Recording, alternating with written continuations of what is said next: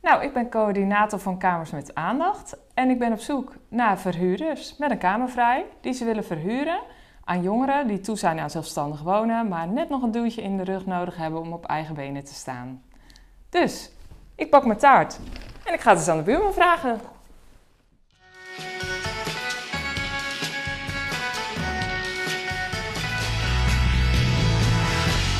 Hey Bob, we zoeken eigenlijk drie typen mensen. Jonge mensen met een hypotheek op de groei. Mensen die hun kinderen de deur uit hebben en ruimte overhouden. En 70-plussers die alleen wonen in een groot huis. Ja, ik denk dat wij wel voldoen aan die eerste groep. Ik heb aardig wat ruimte, dus ik kan wel laten zien.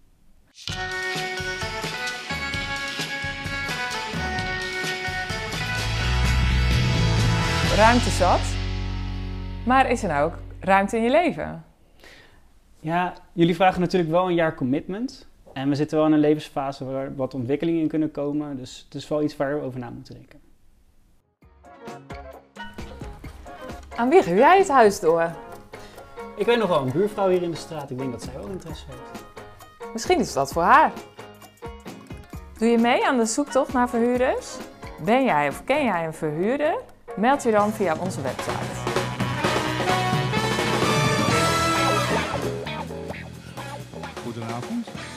Hoort mij niet? Ja, nu? Goedenavond allemaal. Namens Stichting Stad, via Cultura en het woongenootschap, Dordtse, het Dordtse woongenootschap in oprichting. Want zover is het. Het is een heel bijzondere avond. Eh, het is echt de lancering van eh, het woongenootschap. We geven het woongenootschap het podium als Stichting Stad. Eh, en daar hebben wij natuurlijk ook als Stichting Stad alle belang bij. Wij zijn erg voor de kwaliteit van de architectuur en de openbare ruimte in de stad. En uh, verwelkomen dus elk initiatief wat uh, in die richting werkt. En wij geloven als Stichting de Stad dat een wooncoöperatievorm een grote bijdrage kan leveren aan de leefbaarheid in de stad. Uh, en we hebben daar vanavond een paar heel bijzondere mensen voor uitgenodigd, die ik straks zal voorstellen. Maar eerst even, hoe is het met mij persoonlijk gegaan? Een aantal jaar geleden uh, werd ik door Peter Kunsley, die toen directeur stadsontwikkeling was, uitgenodigd om in, uh, in Zwitserland op excursie te gaan. En wij kwamen bij diverse woongenootschappen terecht. Volgend plaatje. En dan zien we Meer als Wonen. Dat was een van de zeer inspirerende projecten die wij te zien kregen. Uh, heel bijzonder, een, een woongenossenschaft, maar eigenlijk een, een, stukje stad. Dus niet één gebouw, maar meerdere gebouwen. En die zijn zo gepositioneerd dat ze allemaal uitkijken op een pleintje. Het zijn eigenlijk woontorentjes met in het midden een trappenhuis zoals je hier ziet.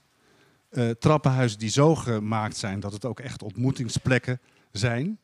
Uh, alle uh, openbare ruimtes die zijn ge, eigenlijk in contact gebracht met de woningen. De woningen hebben ook allemaal de bijzondere kwaliteit dat ze uh, uh, hoekwoningen zijn. Dus je hebt van uh, twee kanten altijd licht. anders natuurlijk dan onze rijtjeshuizen die altijd muren hebben, en, maar aan één kant uitzicht. Dat is een enorme kwaliteit die we hier aantroffen. En ja, daar ben je als architect natuurlijk ongelooflijk door geïnspireerd. Een aantal jaar later hebben we Peter een lezing laten geven over deze excursie. En toen kwam het woongenootschap uh, natuurlijk uh, aan de orde. Twee jaar geleden zijn we uh, met een groepje hier gestart, waarin onder andere Peter een rol speelt. Maar ook hebben wij gevraagd Pieter Bekkers als voorzitter op te treden. En we hebben ook Rien Val gevraagd om ook in de club te komen. Nou, Niki van der Kooi was al aan het afstuderen op een woongenootschap. Uh, dat was mijn medewerker. Dus die is ook in, het, uh, in de club gekomen. En zo zijn we uh, twee jaar lang nu bezig om voor te bereiden. eigenlijk een aanvraag om een, een wooncoöperatie te beginnen. ik zal nu even de avond verder laten zien wat we gaan doen. We gaan, Peter die gaat zo een verhaal vertellen over wat wooncoöperaties in het algemeen betekenen. Pieter die zal uitleggen hoe de plannen zijn van een Dordtse woongenootschap.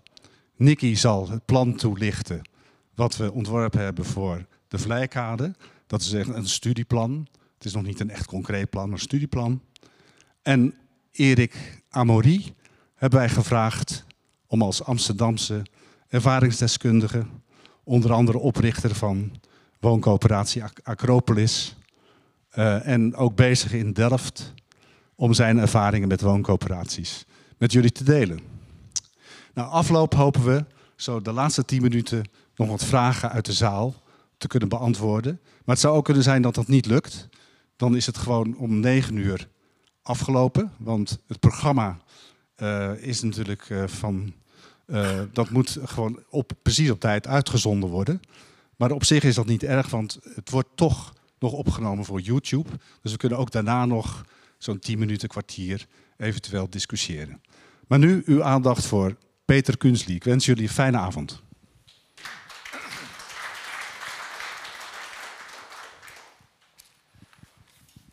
Ja, dames en heren, heel erg leuk om terug in deze mooie stad Dordrecht uh, te zijn. En te zien dat uh, ja, een aantal mensen uh, enthousiast bezig is om de woningnood in Dordrecht te bestrijden. Want dat is er wel een grote vraag. Hoe gaan we de strijdende woningnood ook in Dordrecht oplossen? En dan vooral voor huishoudens met lage en middeninkomens. En hoe zorgen we er ook voor dat er fris bloed komt in de woningbouwontwikkeling in de Drechtsteden en de woningbouw hier wordt versneld?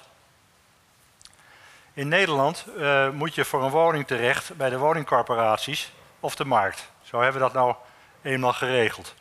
Afgezien van de enkeling die een kavel weet te bemachtigen en zelf kan gaan bouwen.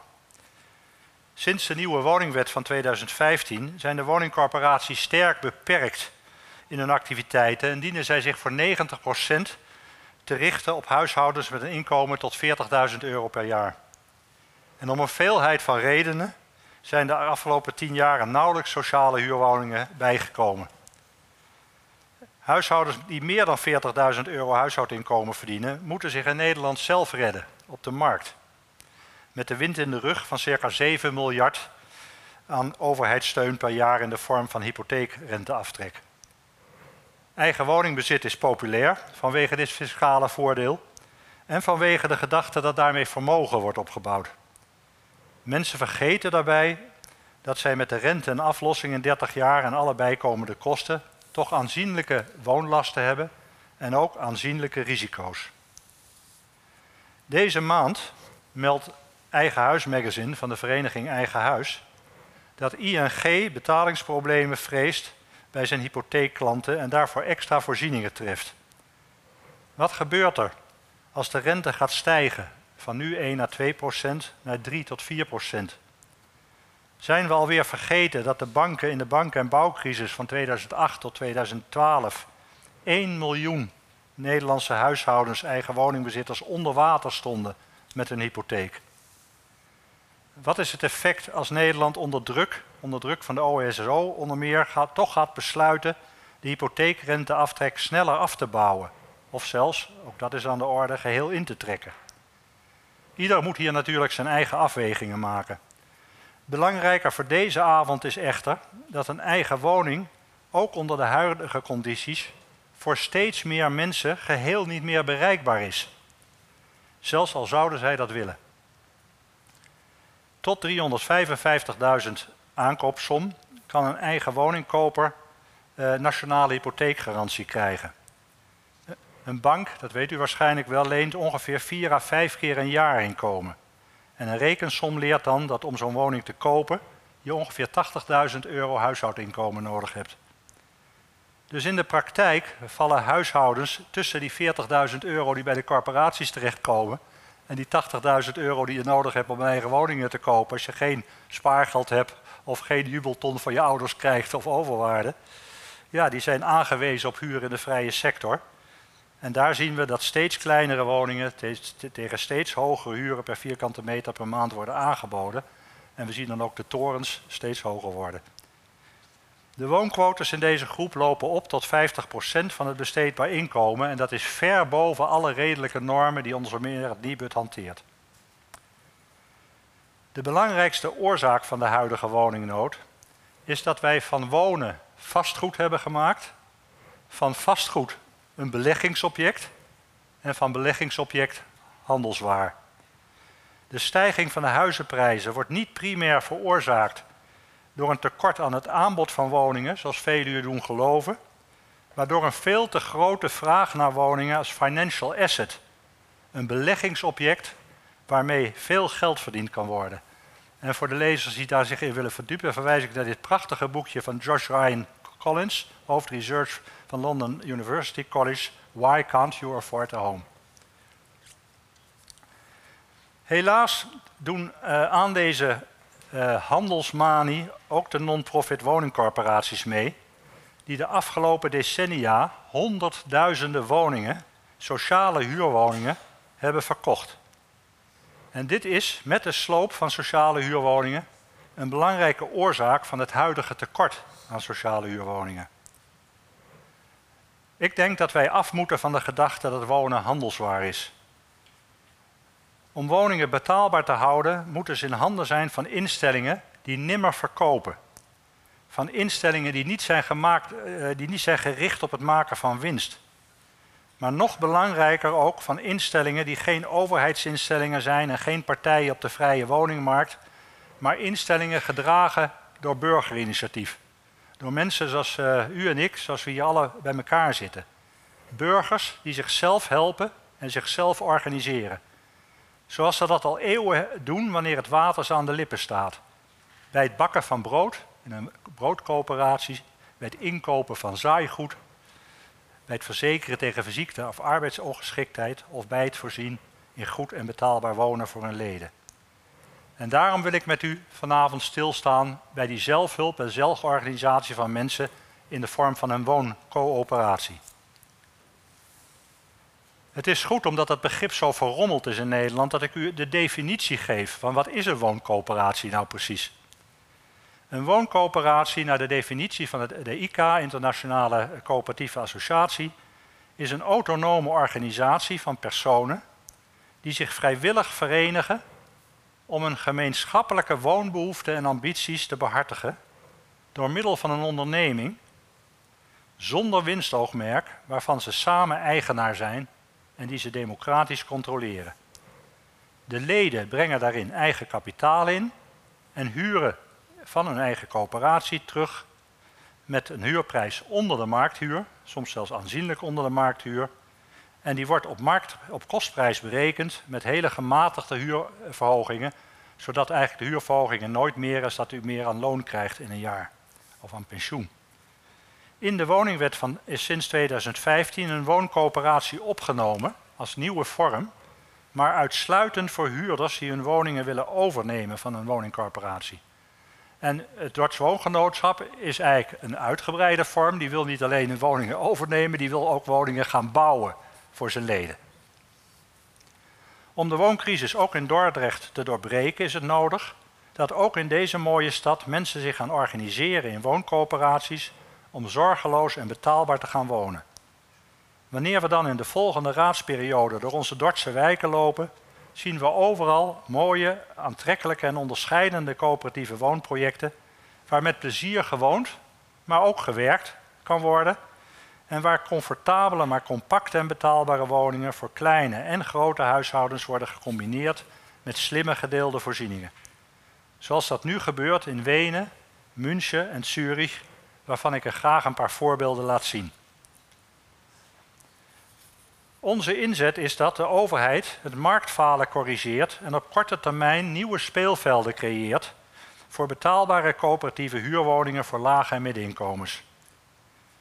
De verzelfstandiging van de woningcorporaties, de privatisering van de gemeentelijke woningbedrijven en het aan de markt overlaten van de huisvesting uh, van de middengroepen hebben sinds de jaren 90 in dit land het omgekeerde bereikt van wat ons toen is voorgehouden. We kregen geen betere woningen tegen een lagere prijs. We kregen niet meer keuze door meer concurrentie, maar juist minder keuze, hogere koopprijzen, onbetaalbare huurprijzen, minder transparantie, meer ongelijkheid en minder democratie. 16 maart aanstaande zijn er verkiezingen voor de nieuwe gemeenteraden en daarmee voor de nieuwe colleges van BNW. En in mijn ogen zou inzet daarvoor moeten zijn dat ook hier in Dordrecht een duurzame oplossing van de wooncrisis wordt bereikt en dat we zorgen dat de afgehaakte Nederlanders weer mee gaan doen. En ons basisprogramma voor de ideale toekomst van wooncoöperaties, ook in deze stad, zijn eigenlijk drie belangrijke dingen. In de eerste plaats zou tenminste 50% van de nieuwbouw in de middenhuur moeten bestaan uit betaalbare coöperatieve huurwoningen. Voor jonge en oudere 1 en 2 huishoudens, maar zeker ook voor middenklasse gezinnen. De gemeente moet daarbij zorgen voor passende condities in onder meer het grondbeleid en ook een overbruggingsfinanciering tussen de kapitaalinbreng van de leden en het deel wat bij de bank geleend kan worden onder hypotheek. In de tweede plaats zouden de woningcorporaties ook in deze regio serieus werk gaan, moeten gaan maken van de mogelijkheid die in de Woningwet 2015 is geboden uh, tot overdracht van woningen aan wooncoöperaties. En dat is zeker van belang in al die situaties dat er een conflict is over de toekomst van een buurt. u leest dat wel vaker. Huurders die graag willen dat de woningen blijven bestaan, omdat ze nou, goed en betaalbaar zijn. En de woningcorporaties die ze wil slopen om duurdere woningen neer te zetten. En in de derde plaats denk ik dat de nieuwe wethouders in deze stad moeten snel gaan schakelen met de nieuwe minister van Volkshuisvesting en Ruimtelijke Ordening, Hugo de Jonge, over de steun van het Rijk voor coöperatieve woonprojecten en het maken van afspraken met het Rijk, hoe het Rijk met zijn grond en vastgoed kan bijdragen ook aan deze doelen. Ik moet zeggen, er zijn een aantal steden die op dit tour zitten, maar jammer genoeg is dit niet het enige scenario wat ons uh, te wachten staat. Er is immers al meerdere keren een aanloop genomen naar coöperatief wonen in Nederland. In de 19e eeuw waren er zeer veel wooncoöperaties, maar met de woningwet van 1901 is gekozen voor het stelsel van de woningcorporaties. Particuliere instellingen die binnen een heel strak overheidskader een publieke taak uitvoerden en toen ook nog voor brede groepen van de bevolking. Dat is in 2008, 2015 helaas veranderd. In die tijd was dat ook een voor alle partijen aanvaardbaar compromis. En dat heeft ons in het land ook eh, een hele goede huisvesting opgeleverd, tot voor kort. In de jaren 70 en 80 is een nieuwe poging gedaan de woningcorporaties te democratiseren en ruimte te bieden aan alternatieve woonvormen. Ook toen heeft de wooncoöperatie het niet gehaald. Wel hebben we aan die periode in het hele land meer dan 10.000 woongroepen overgehouden. Die zijn veelal geen eigenaar van het vastgoed, maar wel beheerder van de woningen. Ook na de parlementaire enquête woningcorporaties, en die is maar kort geleden nog, in 2013, 2014, zien we geen omslag. Al hebben toen hele prominente volkshuisvesters aandacht gevraagd voor nieuwe democratische woonvormen. Helaas is met alle aanbevelingen op dat punt van de enquêtecommissie in het parlement niets gedaan. Is het nu na driemaal scheepsrecht? Veel institutionele woordvoerders zien de noodzaak van wooncoöperaties niet in, omdat nu de verhuurdersheffing voor de woningcorporaties wordt afgeschaft. Daarmee krijgen ze jaarlijks ongeveer 2 miljard meer investeringsruimte. Ik juich dat en wij ook, wij juichen dat erg toe. Maar we verwachten niet dat de woningcorporaties nu op grote schaal betaalbare huurwoningen gaan bouwen voor de huishoudens met de middeninkomens. Daar zijn een aantal redenen voor. Zij zullen in de praktijk hun handen vol hebben aan de verduurzaming van de sociale voorraad. 75% van de energiearmoede in het land zit in de voorraad sociale huurwoningen. Ze zullen ook veel werk hebben aan het wegwerken van achterstallig onderhoud. Er was laatst een heel behartenswaardig rapport over. En ik denk ook dat ze hun handen vol hebben aan de inhalen van de grote tekorten die er ook zijn aan sociale huurwoningen voor de laagste inkomensgroepen. Dus woningcoöperaties zijn zeker na de wijziging van de woningwet van 2015 een noodzakelijke aanvulling op de Nederlandse woningmarkt. Zij zullen eigenlijk de nieuwe en inspirerende opdrachtgevers zijn die gaan bijdragen aan meer duurzaamheid, meer functiemenging in de stad, meer vitaliteit van onze steden en een veel steviger civil society. Ze zullen ook de enige vorm zijn die betaalbaar wonen mogelijk maakt en ook beschikbaar houdt op zeer lange termijn voor alle huishoudens met een middeninkomen. En het mooie van het model is dat op termijn die woningen ook steeds betaalbaarder worden, zodat er ook lage inkomens bij een coöperatie kunnen wonen. In Zurich is het op dit moment zo dat de oude wooncoöperaties die eh, vragen voor een woningen een derde van de markthuur voor vergelijkbare woningen op de markt. Om u even een indicatie te geven. In de vierde plaats is wooncoöperatie ook de enige vorm in Nederland van democratisch woningbouw en democratisch woningbeheer. De leden hebben daar de macht. En wooncoöperaties bieden een levenslange woonzekerheid en zorgeloze inbreng van spaargeld, niet onderworpen aan speculatie, maar wel beschikbaar bij vertrek of overlijden met een redelijke rentevergoeding. Dus het geld dat u inbrengt is daar ook zeker. De tijd dringt. De business cases van een woningcoöperatie zijn met passende coöperatieve condities op dit moment haalbaar. En ook haalbaar voor de middengroep gezien de rente op dit moment. Maar wanneer de rente omhoog gaat schieten, komen niet alleen vastgoedeigenaren in de problemen met hoge schulden op hun bezit, maar zal het ook voor initiatiefnemers van wooncoöperaties die betaalbare woningen willen realiseren moeilijker worden om de business case rond te krijgen.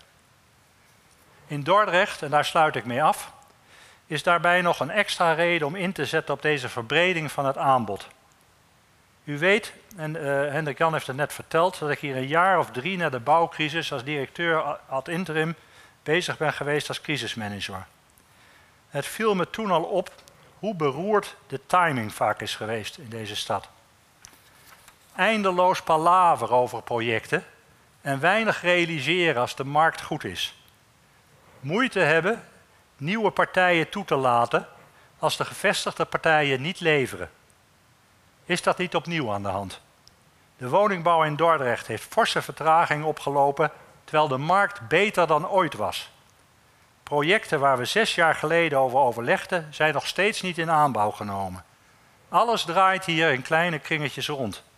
De grote landelijke marktpartijen met gevestigde posities geven veelal in een situatie van krapte bij de inzet van hun mensen voorrang aan de grote steden en nemen hun tijd als het om Dordrecht gaat. Het is hoog tijd hier voor fris en inspirerend opdrachtgeverschap, meer op de gemeenschap gericht, socialer gericht op alle Dortenaren en met een grote inspanning om een duurzame wijze van niet alleen wonen, maar ook leven, voeding, energie, bewegen, eh, ruimte te geven. Laten we het bed eens flink opschudden hier en zorgen dat er de komende raadsperiode tien nieuwe wooncoöperaties in Dordrecht aan de slag kunnen. Tien wooncoöperaties die duizend betaalbare en zeer duurzame woningen gaan bouwen. Dank u wel.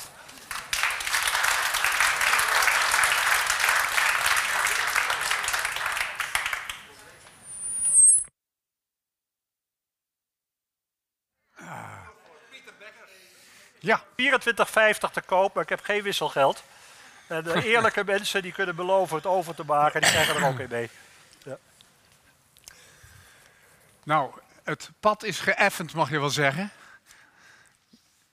Ik ben Pieter Bekkers van het Dort Woongenootschap in oprichting. Dus we zijn er nog lang niet. We hebben een aantal stappen gedaan. Maar uh,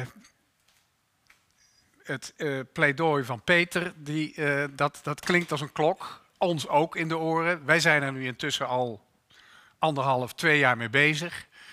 En we moeten nog een heel eind gaan om tot zo'n coöperatie te komen. Wie zijn we? We zijn een klein groepje mensen die iets nieuws willen op de woningmarkt. We hebben in ons werk veel te maken en veel te maken gehad met bouwen en wonen. En we stellen nu iets nieuws voor en we hopen dat dat ook voor u iets is. En dan, als ik zeg u, heb ik het niet alleen over degenen die hier zijn, maar ook degenen die via de Dordtse televisie deze, dit eh, programma volgen. Wat is een woongenootschap? Dat is een groep mensen. Kijk, mooi. Dat is een groep mensen die samen een woongebouw ontwikkelt, laat bouwen, bewoont en exploiteert. Ze zijn dan samen eigenaar en huren individueel van de coöperatie. Het is een rechtspersoon met statuten en een bestuur waarin de leden het samen voor het zeggen hebben. Dat noemen we nou een coöperatie. Om de verwarring met woningbouwcorporaties zoals Woonbron en Trivieren te voorkomen, hebben we onszelf Dorts Woongenootschap genoemd, even als onderscheid. De leden beslissen na de bouw en de oplevering ook nog over het beheer. In het buitenland hebben we kunnen horen is dat een veel voorkomende en prettige vorm. Maar ook in andere Nederlandse steden hebben bewoners al de hoofden bij elkaar gestoken en gezegd: we doen het zelf. Op meerdere plaatsen ontstaan die coöperatieve verenigingen, al moet ik wel zeggen dat het nog wel roeien tegen de stroom op is. Waarvan de leden mede door inleg van een stukje eigen geld een gezamenlijke droom kunnen realiseren. Banken en overheid moeten het ontbrekende deel aanvullen. In ruil voor de inzet en bijdrage krijgen de leden woonrecht en zeggenschap. Wat willen we? Wij willen een coöperatie oprichten met een aantal geïnteresseerden die een complex appartementen gaat ontwikkelen en bouwen dat ze samen kunnen bewonen en beheren. We denken daarbij aan huurwoningen van 800 tot 1200 euro per maand. Dus geen, even voor alle duidelijkheid, goedkope of sociale huur, maar middenhuur. Na het publiceren van het artikel over onze plannen in het Dortenaar vorige week, ik weet niet of u het, of u het gezien heeft, zijn er op Facebook een heleboel reacties gegeven van mensen uh, over de betaalbaarheid van de genoemde huur. Wij hebben inderdaad het begrip betaalbaar in de mond genomen, waar veel mensen over vielen. Maar in feite hebben we het over huren van 8 tot 1200 euro per maand, die dus voor de laagste inkomensgroep niet uh, bereikbaar is. Dus betaalbaar, dat is in onze uitleg van betaalbaar 800 tot 1200 euro in de maand. Wat is verder het bijzondere van wat we proberen te realiseren? Zeggenschap, heb ik al gezegd, over ontwerp, bouw en beheer. Democratisch bestuur. Gemeenschappelijke voorzieningen, zoals wasseretten, maar dat is aan de mensen zelf om dat met elkaar te bespreken en te bepalen in hun ontwerpproces. Logeerkamer, gezamenlijk autobezit, kinderopvang, etc. Belangrijk is ook sociale cohesie. De bewoners hebben, een, omdat het ook van hunzelf is, omdat ze het zelf gemaakt hebben, een sterke band met hun eigen project. De wooncoöperatie kan een hechte gemeenschap zijn, of een lossere groep, of iets ertussenin. Het hoeft natuurlijk niet iedereen bij iedereen binnen, bij de deur binnen te lopen. Wel zal er altijd een gemeenschappelijke verantwoordelijkheid zijn. De deelnemer huurt een woning en is toch collectief eigenaar, met zeggenschap over de eigen leefomgeving. Het is interessant voor meerdere bevolkingsgroepen: ouderen, jongeren, alleenstaanden, tweepersoonshuishoudens, gezinnen, werkende en niet-werkende. Kwaliteit van de architectuur vinden wij heel belangrijk. Complex moet waardevol voor de stad zijn, ook in zijn vormgeving. Veel aandacht voor milieu en duurzaamheid. En geen winstoogmerk. Ook verkoop van de woningen, als ze een keer gebouwd zijn, ten behoeve van het inkomen van de leden, is niet de bedoeling. Met het opgebouwde vermogen kan het genootschap te zijner tijd een nieuw complex helpen financieren. En het blijft dus huur. Hoe doen we dat? We hebben al werk gedaan de afgelopen tijd. We hebben een plan gemaakt. Gewoon bekeken, wat willen we nou eigenlijk? Daar vertel ik dus nu over. We hebben een voorbeeldplan ontworpen. We hebben veel overleg met de gemeente gevoerd. Zonder dat we er intussen al uit zijn. Maar goed, je moet beginnen met overleg voeren, overleg voeren, brieven schrijven. En daar zijn we volop mee bezig. Een businessplan gemaakt. Dus door een bedrijf laten uitrekenen, kan dat wel wat jullie willen? En die hebben gezegd, ja, dat klopt. Onder die en die voorwaarden kun je dit doen wat jullie bedacht hebben. En overleg gevoerd met een bank over een hypothecaire lening. De Rabobank. Die, en dat is ook gebeurd en gelukt. Zonder dat we al het geld hebben natuurlijk. Want je moet eerst, het plan moet helemaal rond zijn en dan komt ook zo'n Rabobank pas over de brug. Nu zijn we zover dat we proberen meer mensen voor ons initiatief te winnen. Mensen die aan zo'n complex willen meewerken en er ook eventueel in willen wonen. Vandaar ook deze bijeenkomst en ook deze uitzending.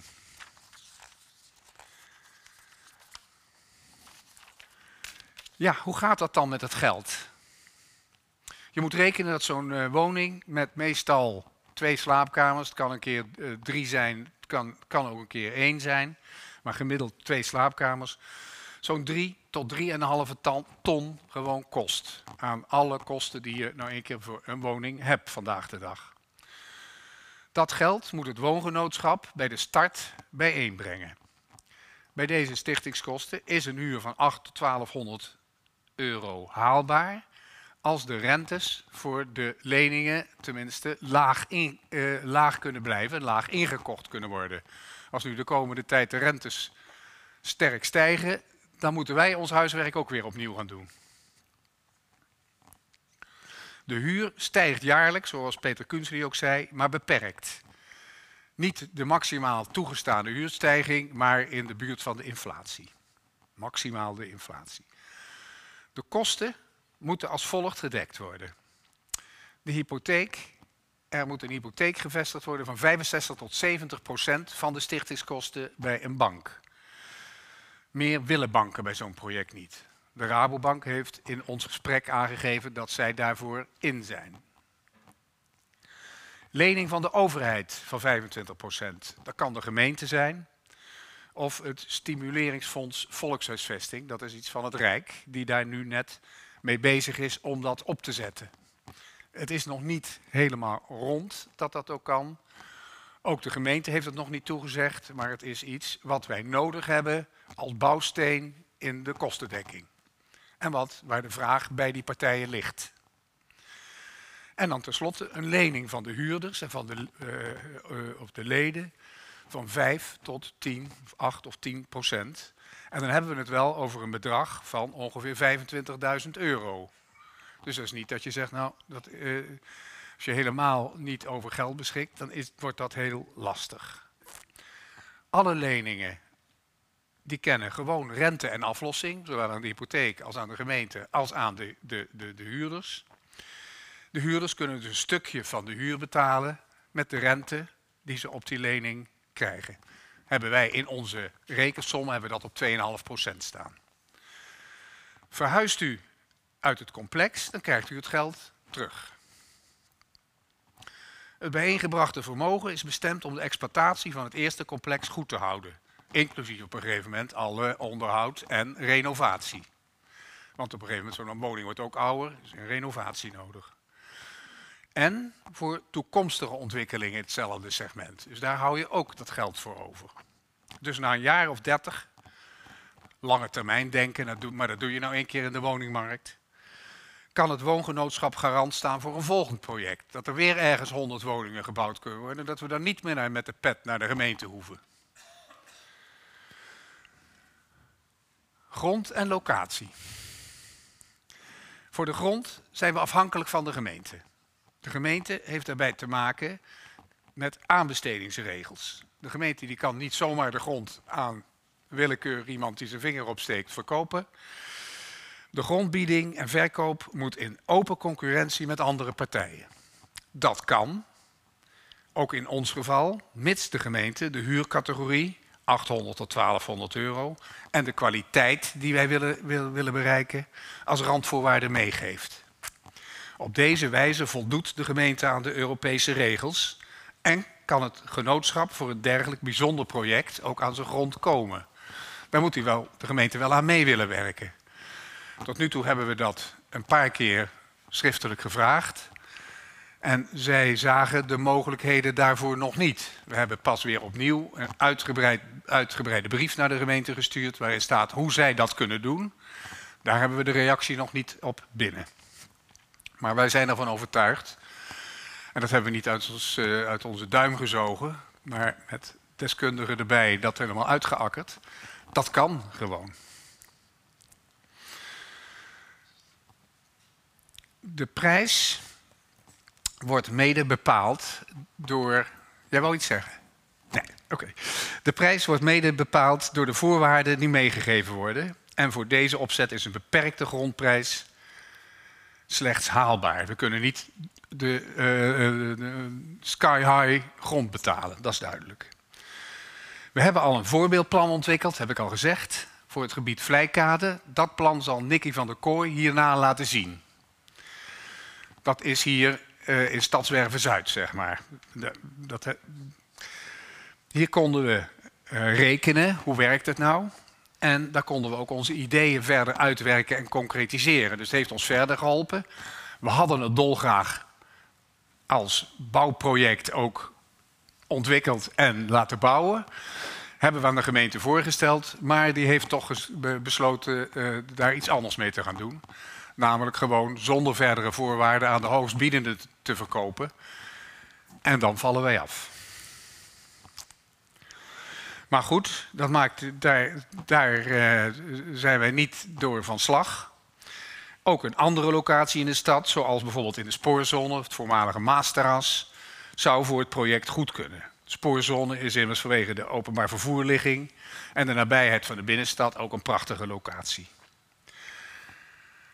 Voor wie is dit genootschap nou? Wij zoeken mensen die graag zelf bepalen hoe ze willen wonen. Die gevoel voor saamhorigheid hebben. Die iets nieuws willen. Die iets meer, die meer kunnen betalen dan het minimum. Het minimum zou ook wel kunnen, maar dan moet je een heel ander soort project met woningbouwcorporaties maken. Dat hebben we nu op dit moment niet in de pen. Wij roepen geïnteresseerden op om zich te melden en zich bij ons aan te sluiten. Dat kan op de volgende manieren. Op de intekenlijsten die hier, die hier staan. Op de website www.dortswoongenootschap.nl of op ons e-mailadres info.dortswoongenootschap.nl. Die dingen zijn net de afgelopen twee weken gereed gekomen. Dus ja, je moet ook uh, met de mensen kunnen communiceren. Dus vandaar. Als u zich inschrijft, krijgt u meer informatie over, over de, de, plannen. Ook kunt u tegen een vergoeding op een gegeven moment, hoeft helemaal niet meteen, maar wel graag snel natuurlijk, lid worden van het genootschap. Als u wilt, kunt u dan actief meewerken aan de verdere plannen. De volgende graag. Er zijn verschillende mogelijkheden om betrokken te raken bij het woongenootschap. Het eerste is, nadat u informatie hebt ingewonnen, dat moet natuurlijk niet, hoeft helemaal niet uh, stellen sprong dat te doen, betrokkenen in het genootschap. Dat is, dan betaalt u 100 euro en dan bent u geïnteresseerd in het project voor de huur, u bent sympathisant en dat vinden we prettig om die mensen bij ons te hebben. Want we doen het niet voor onszelf, we doen het voor mensen in de stad die dit interessant vinden. Tweede stap is participant in het bouwproces. Daarmee vragen we een uh, bijdrage van 250 euro. Hiermee krijgt de persoon huurrecht. Nog niet een, de huur van een woning, maar recht om een woning te gaan huren. En dat kan pas als er een concrete locatie is. Dat is nu dus nog niet zo. Want dan moet eerst de gemeente gezegd hebben: jullie kunnen dat stukje grond kopen. Opdrachtgever in het bouwproces. Dat is weer een stap verder. Als je een plan ontwikkeld hebt, dan ga je het bouwproces in. Dat kan pas als het proces start. Dan is het bedrag wat we dan vragen is 5000 euro. Dat is een bedrag wat geïnvesteerd wordt in het project, in de bouw. Dat bedrag levert rente en kan te zijner tijd teruggestort worden. Dus dat is niet een weggevertje van u. En dan tenslotte als u het daadwerkelijk gaat huren. Dan praten we nog wel over een paar jaar verder. En dat is niet over twee jaar. Dat, dat is al haast onmogelijk, maar echt nog wat verder. En wanneer, dat kan ik niet zeggen, maar wij hopen dat we uh, over vier, vijf jaar echt uh, uh, zover zijn. Inclusief die 5000 euro van, van daarnet, hebben we het dan over ongeveer, maar dat hangt van de precieze prijs van het project af, hebben we het over 25.000 euro. Daarmee wordt het ontwerp en een aantal van de kosten van de bouw bekostigd. Dit bedrag levert rente op en kan bij uitverhuizen worden teruggestort. Dat is mijn verhaal. Ik dank u hartelijk voor uw interesse en voor het feit dat u hier gekomen bent natuurlijk. Voor de, eh, de tv-kijkers thuis, dat u kijkt. Ehm, allemaal uh, bedankt voor het volgen van de uitzending. En tot slot wil ik Stichting de Stad bedanken voor alle ondersteuning die zij ons gegeven hebben tot nu toe. Ook deze vergadering met alle apparatuur en alles, maar ook met, uh, met andere hulp die ze ons gegeven hebben. Dat is toch wel heel erg goed, heel erg prettig om ons die eerste opstart te geven. En ik hoop dat wij dat kunnen terugbetalen door ook daadwerkelijk met een woongenootschap te kunnen starten. Dank u wel.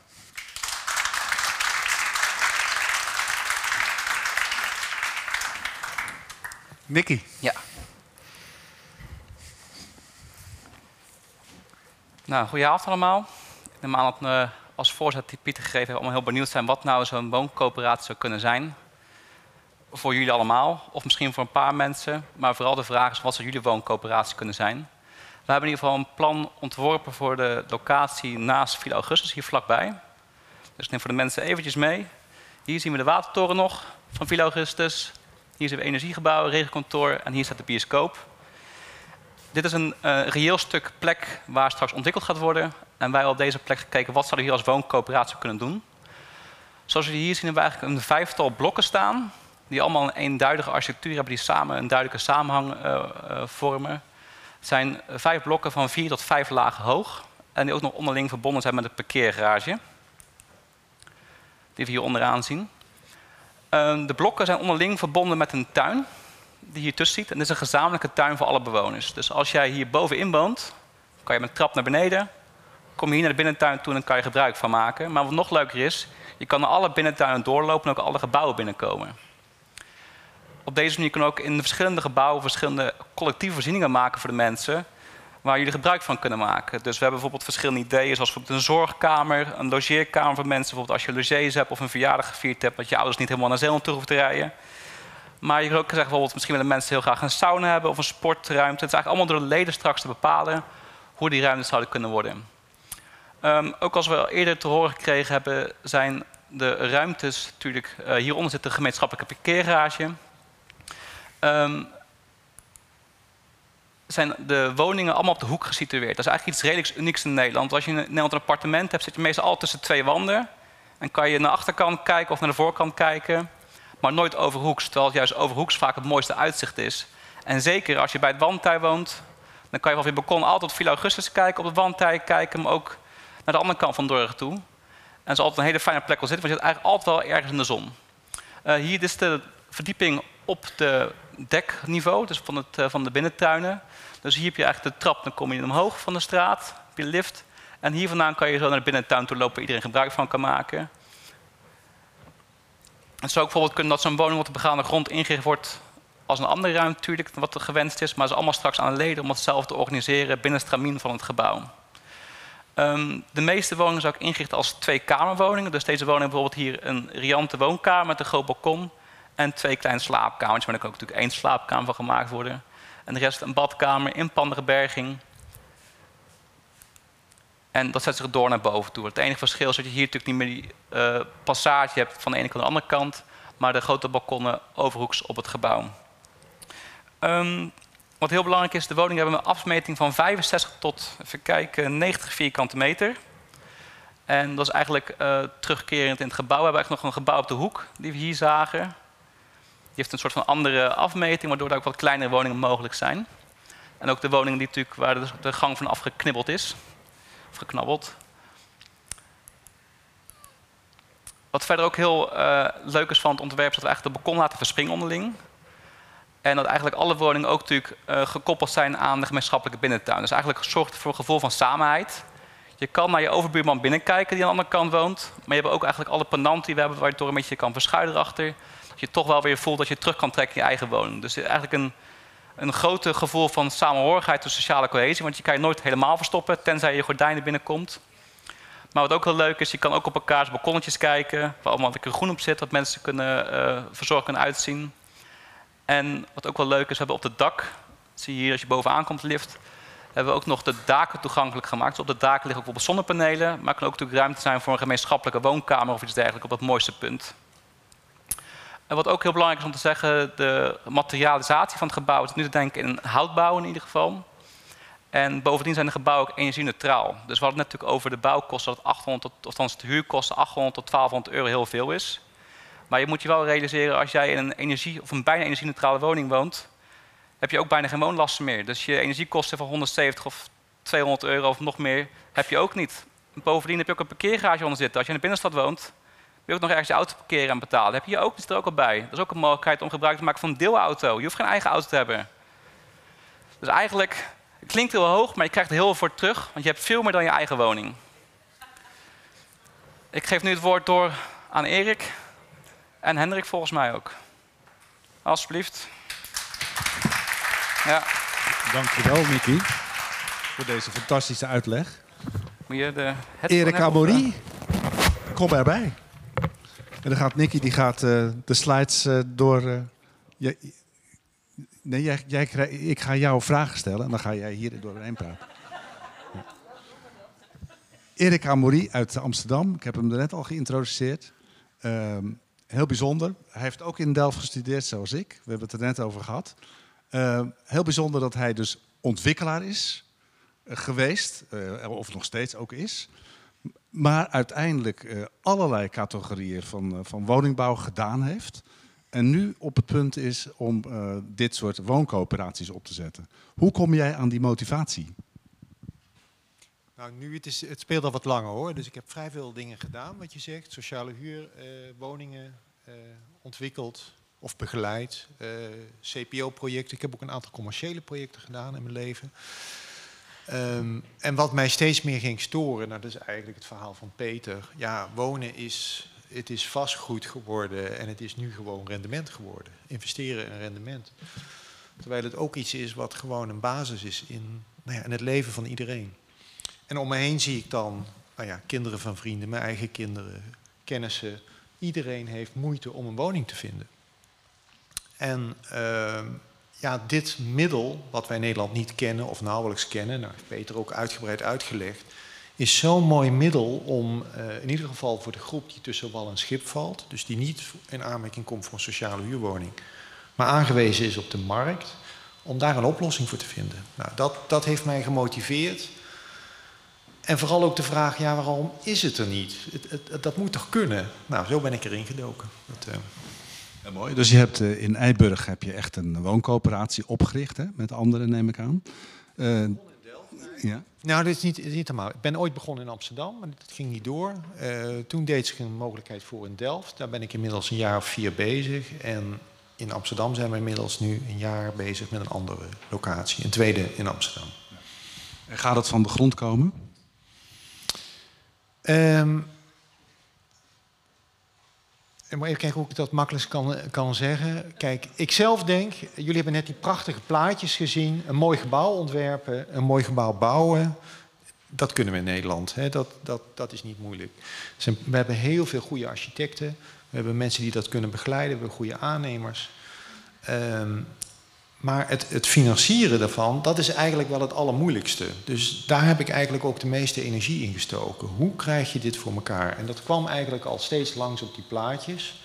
Maar daar wilde ik ook wat dieper op ingaan. Want eigenlijk heeft dat ertoe geleid dat ons project in Delft nou ja, half mislukt is, om het zo te zeggen. Dat wordt geen echte coöperatie, maar een beheercoöperatie. Amsterdam gaat wel lukken. Maar dat komt ook omdat er een aantal specifieke um, hoe moet ik het zeggen, eh, kansen zijn, eh, hoe moet ik het nou zeggen, eh, omstandigheden die dat mogelijk maken. En dat is ook al langsgekomen, dat is ook omdat de gemeente met name daar heel erg een actieplan op heeft en heel erg veel geld en energie in stopt. Dus dat is eigenlijk de reden waarom Amsterdam lukt. Dan wil ik niet zeggen dat Delft daar weinig energie en, en geld in stopt, alleen net niet genoeg. Waardoor het in Delft uiteindelijk niet gaat lukken, helaas. Het gebouw komt er waarschijnlijk wel. Maar het wordt geen echte wooncoöperatie. Kan je er iets van laten zien? Ja, ik heb een paar plaatjes. Uh, wat jullie hier, jullie hier zien is een uh, artist impression van het gebouw in Delft. Uh, en ook een plattegrond. En wat je eigenlijk ziet in die plattegrond, en dat is meteen het volgende plaatje. Ik ga meteen even door. nee, even deze hier. Uh, ik heb zelf gewerkt lang in de stadsvernieuwing in Amsterdam.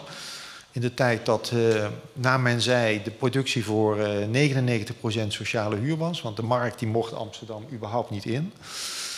En de, de, de kern van die hele productie was de driekamerwoning. En waarom was dat nou de driekamerwoning? Dat was een woning die kun je in je eentje bewonen, in z'n tweeën en ook nog met een klein gezin. Dus het is een hele, uh, laten we zeggen, goede, een goed compromis en een heel flexibel iets. En wat je op dit moment ziet, behalve in de koopsector, is dat in de sociale huur worden ze eigenlijk niet meer gebouwd. Daar zijn ze te duur voor. En in de vrije sector huur ja, dan zijn ze onbetaalbaar. En dan zie je dus eigenlijk dat voor de middeninkomens die woningen steeds kleiner worden. En op dit moment is in de grote steden schijnt de norm onder de 40 vierkante meter te komen.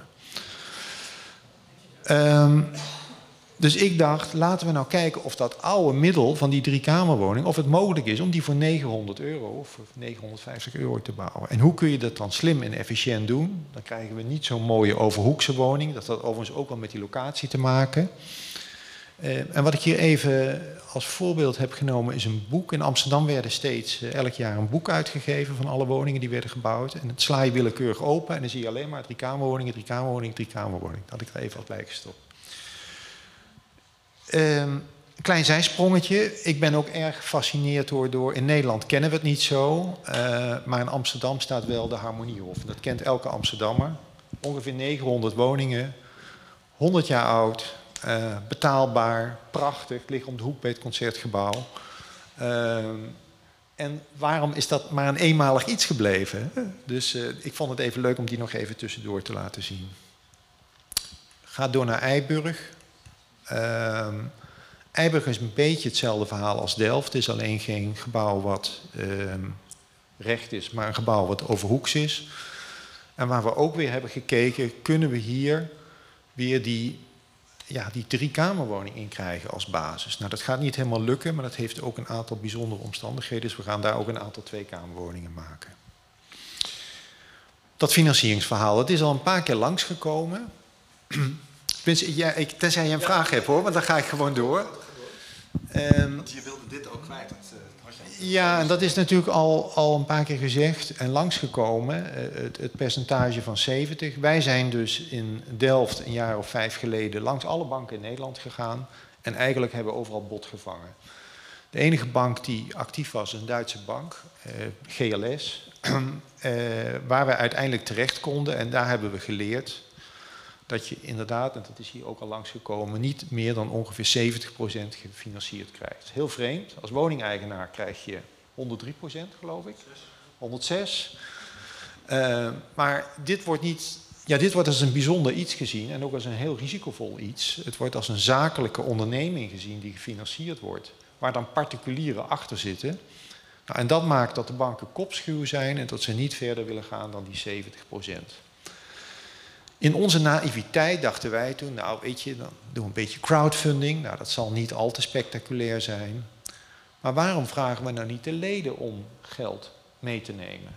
En waarom? Iedereen, hè, er zijn natuurlijk best veel mensen met, die geld hebben, die bijvoorbeeld uit een koopwoning komen, of die uh, georven hebben, of misschien wel dat kunnen lenen van hun ouders of van andere familie. Er is zoveel geld in omloop. En met die naïviteit zijn we eigenlijk gestart. En in de berekeningen die we toen maakten, uh, zou iedereen 50.000 euro moeten meebrengen. En zouden bovendien de mensen die wachten op een woning, waren er ongeveer 15, die zouden ook nog eens 50.000 euro moeten inbrengen. Nou, in onze naïviteit dachten we dat gaat wel lukken. En ik moet zeggen, we zijn een heel eind gekomen hoor. We hadden uh, uh, iets van 20 mensen die daartoe bereid waren. Maar dat, ja, 20 is dus niet ik tel even snel op, 48. Um, en bovendien brak toen corona uit. En toen zag je wel dat heel veel mensen ook ja, zenuwachtig werden. Waardoor eigenlijk dit hele plan wat we toen hebben uh, gesneuveld is. Dit is wel uh, de praktijk, hè? Dat is de realiteit. Maar ik, ik, hoor jou zeggen van naïef en zo, maar het is ook wel mooi dat je... Je moet wel ergens enthousiasme hebben om, om te beginnen. Als je dat niet hebt, als je alleen maar puur zakelijk uh, denkt, ja, dan, dan komt het niet. Dus je... En het veronderstelling dat dat geld er is, dat, dat, dat, dat blijkt ook. Alleen ja, de zekerheid dat er voldoende geld te vinden was... en ook mensen die dan maar nauwelijks rendement daarop krijgen... ja, dat is altijd meer dan op de bank... Uh, dat heeft uiteindelijk toe geleid dat het project gesneuveld is. Uh, wat we in de tussentijd ook nog, we zijn langzaamaan doorgegaan hoor. En eigenlijk met het idee wat net al langs kan, kan de gemeente daar niet iets doen. Ook al omdat op landelijk niveau die een enorme discussie door platform 31 uh, is aangezwengeld. Maar dat is ons uiteindelijk niet gelukt. We hebben een bouwer binnenboord. Ja, en we zien natuurlijk ook, we zijn nu twee jaar verder, dat die bouwkosten ook uh, veel harder gaan dan, dan de inflatie. Dat leest ook iedereen in de krant. Dus dit is een beetje waar we nu staan. Uh, zonder parkeerplaatsen zitten we op, voor die woningen op 307.000 euro. Zeg maar even om een beeld te geven. Geven ook even de grondkosten, die zijn dan nog gematigd. Maar denk even, wat heeft niet uit mijn hoofd wat het is, maar je zit rond de 35.000 euro ex-BTW voor de grondkosten. Um, en dit is eigenlijk het plaatje waar we nu staan. En de enige redding is nu dat er zoveel partijen ja, geld willen investeren in vastgoed. Dat we een partij hebben gevonden die, het wil, die eigenaar wil worden en zich wil conformeren aan nou zeg maar de eisen of de randvoorwaarden die een woningcorporatie normaal ook heeft. Dus die wil 35 jaar de huur uh, gemengd houden, of heet het de huur laag houden en met inflatie laten stijgen. Dus dat is nu, zoals het goed gaat, gaan we op die manier door. Maar ik vind het zelf wel jammer. Zou nou zo'n landelijk fonds niet hier ook een rol in kunnen spelen? Nou, dus de volgende. Kijk, op Eiburg uh, gaat het wel lukken. Dat is dan deze hier. Nou, in Eiburg zie je een aantal dingen. Het project is min of meer vergelijkbaar. Is dat de grond veel lager is. Maar de grond is erfpacht. Dus in Delft. Is de grond, als, en dat zou ook in Dordrecht zijn. Als je eigenaar wordt van de grond. Tenminste, ik neem aan dat jullie geen erfpacht hebben. Dan moet je meteen afrekenen bij startbouw. Dat hoeft bij erfpacht niet. Dus je, je hebt een, een waarde. Daar moet je alleen de BTW over afrekenen bij de start. Bovendien heeft Amsterdam die waarde behoorlijk, in ons geval, het is niet op alle locaties, heeft hij heel erg gedempt. Dus het is een heel sympathiek bedrag wat ervoor uh, staat. En dan zie je onderaan ook dat die erfpacht niet meetelt in, de, in, de, in het geld wat je uiteindelijk moet lenen. Um, nou, dan zakt dus ook, het zijn wat kleinere woningen overigens hoor, dan zakt dus ook die investering per woning. En dan ga je nu toe naar ja, waar de faciliteit van de gemeente Amsterdam zit, waarvan iedereen nu ja, de hoop heeft dat dat wordt uitgerold, is dat, eh, dat je eigenlijk het gat tussen wat de bank doet, wat niet meer is dan 70%, tot daar de gemeente inspringt of een land lening. Nou, dat doet Amsterdam dus, die een lening stelt van 5 miljoen.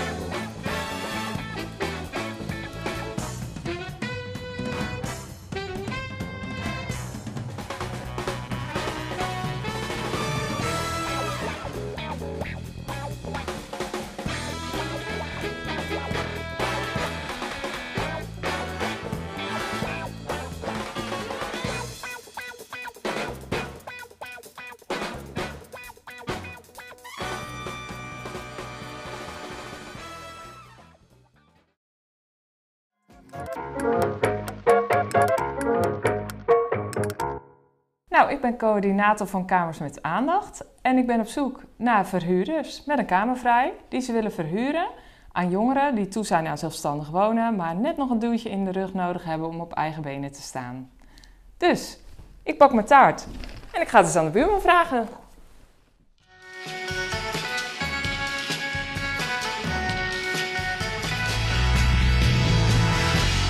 Hey Bob, we zoeken eigenlijk drie typen mensen. Jonge mensen met een hypotheek op de groei. Mensen die hun kinderen de deur uit hebben en ruimte overhouden. En 70-plussers die alleen wonen in een groot huis. Ja, ik denk dat wij wel voldoen aan die eerste groep. Ik heb aardig wat ruimte, dus ik kan wel laten zien.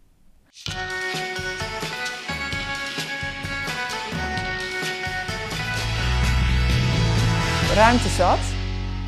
Maar is er nou ook ruimte in je leven? Ja, jullie vragen natuurlijk wel een jaar commitment. En we zitten wel in een levensfase waar wat ontwikkelingen in kunnen komen. Dus het is wel iets waar we over na moeten denken. Aan wie geef jij het huis door? Ik weet nog wel een buurvrouw hier in de straat. Ik denk dat zij wel interesse heeft. Misschien is dat voor haar. Doe je mee aan de zoektocht naar verhuurders? Ben jij of ken jij een verhuurder? Meld je dan via onze website. Ja, ik zou zeggen, welkom allemaal op deze bijzondere avond. Kijk even of alles in de techniek goed gaat. Hield niet, dus het zal goed gaan. Ehm, welkom eh, bij ons, eh, ja, we noemen dat verkiezingscafé. Ik weet eigenlijk niet waarom, want de bar zie ik hier niet. Maar eh, nou, we gaan het toch met elkaar een goede avond hebben, hoop ik. En met elkaar interessante dingen delen. Ehm, ik doe, sta hier namens het platform Duurzaam Dordrecht. Mijn naam is Anneke van Veen. Ik ben in het dagelijks leven actief. zet me in voor het vergroenen van de stad. ik doe ook in de stad zelf het een en ander met Stichting de Stad. Dus misschien dat mensen mij al eerder gezien hebben. En ik ben door het platform gevraagd om deze sessie te hosten. En ik doe dat samen met Wouter.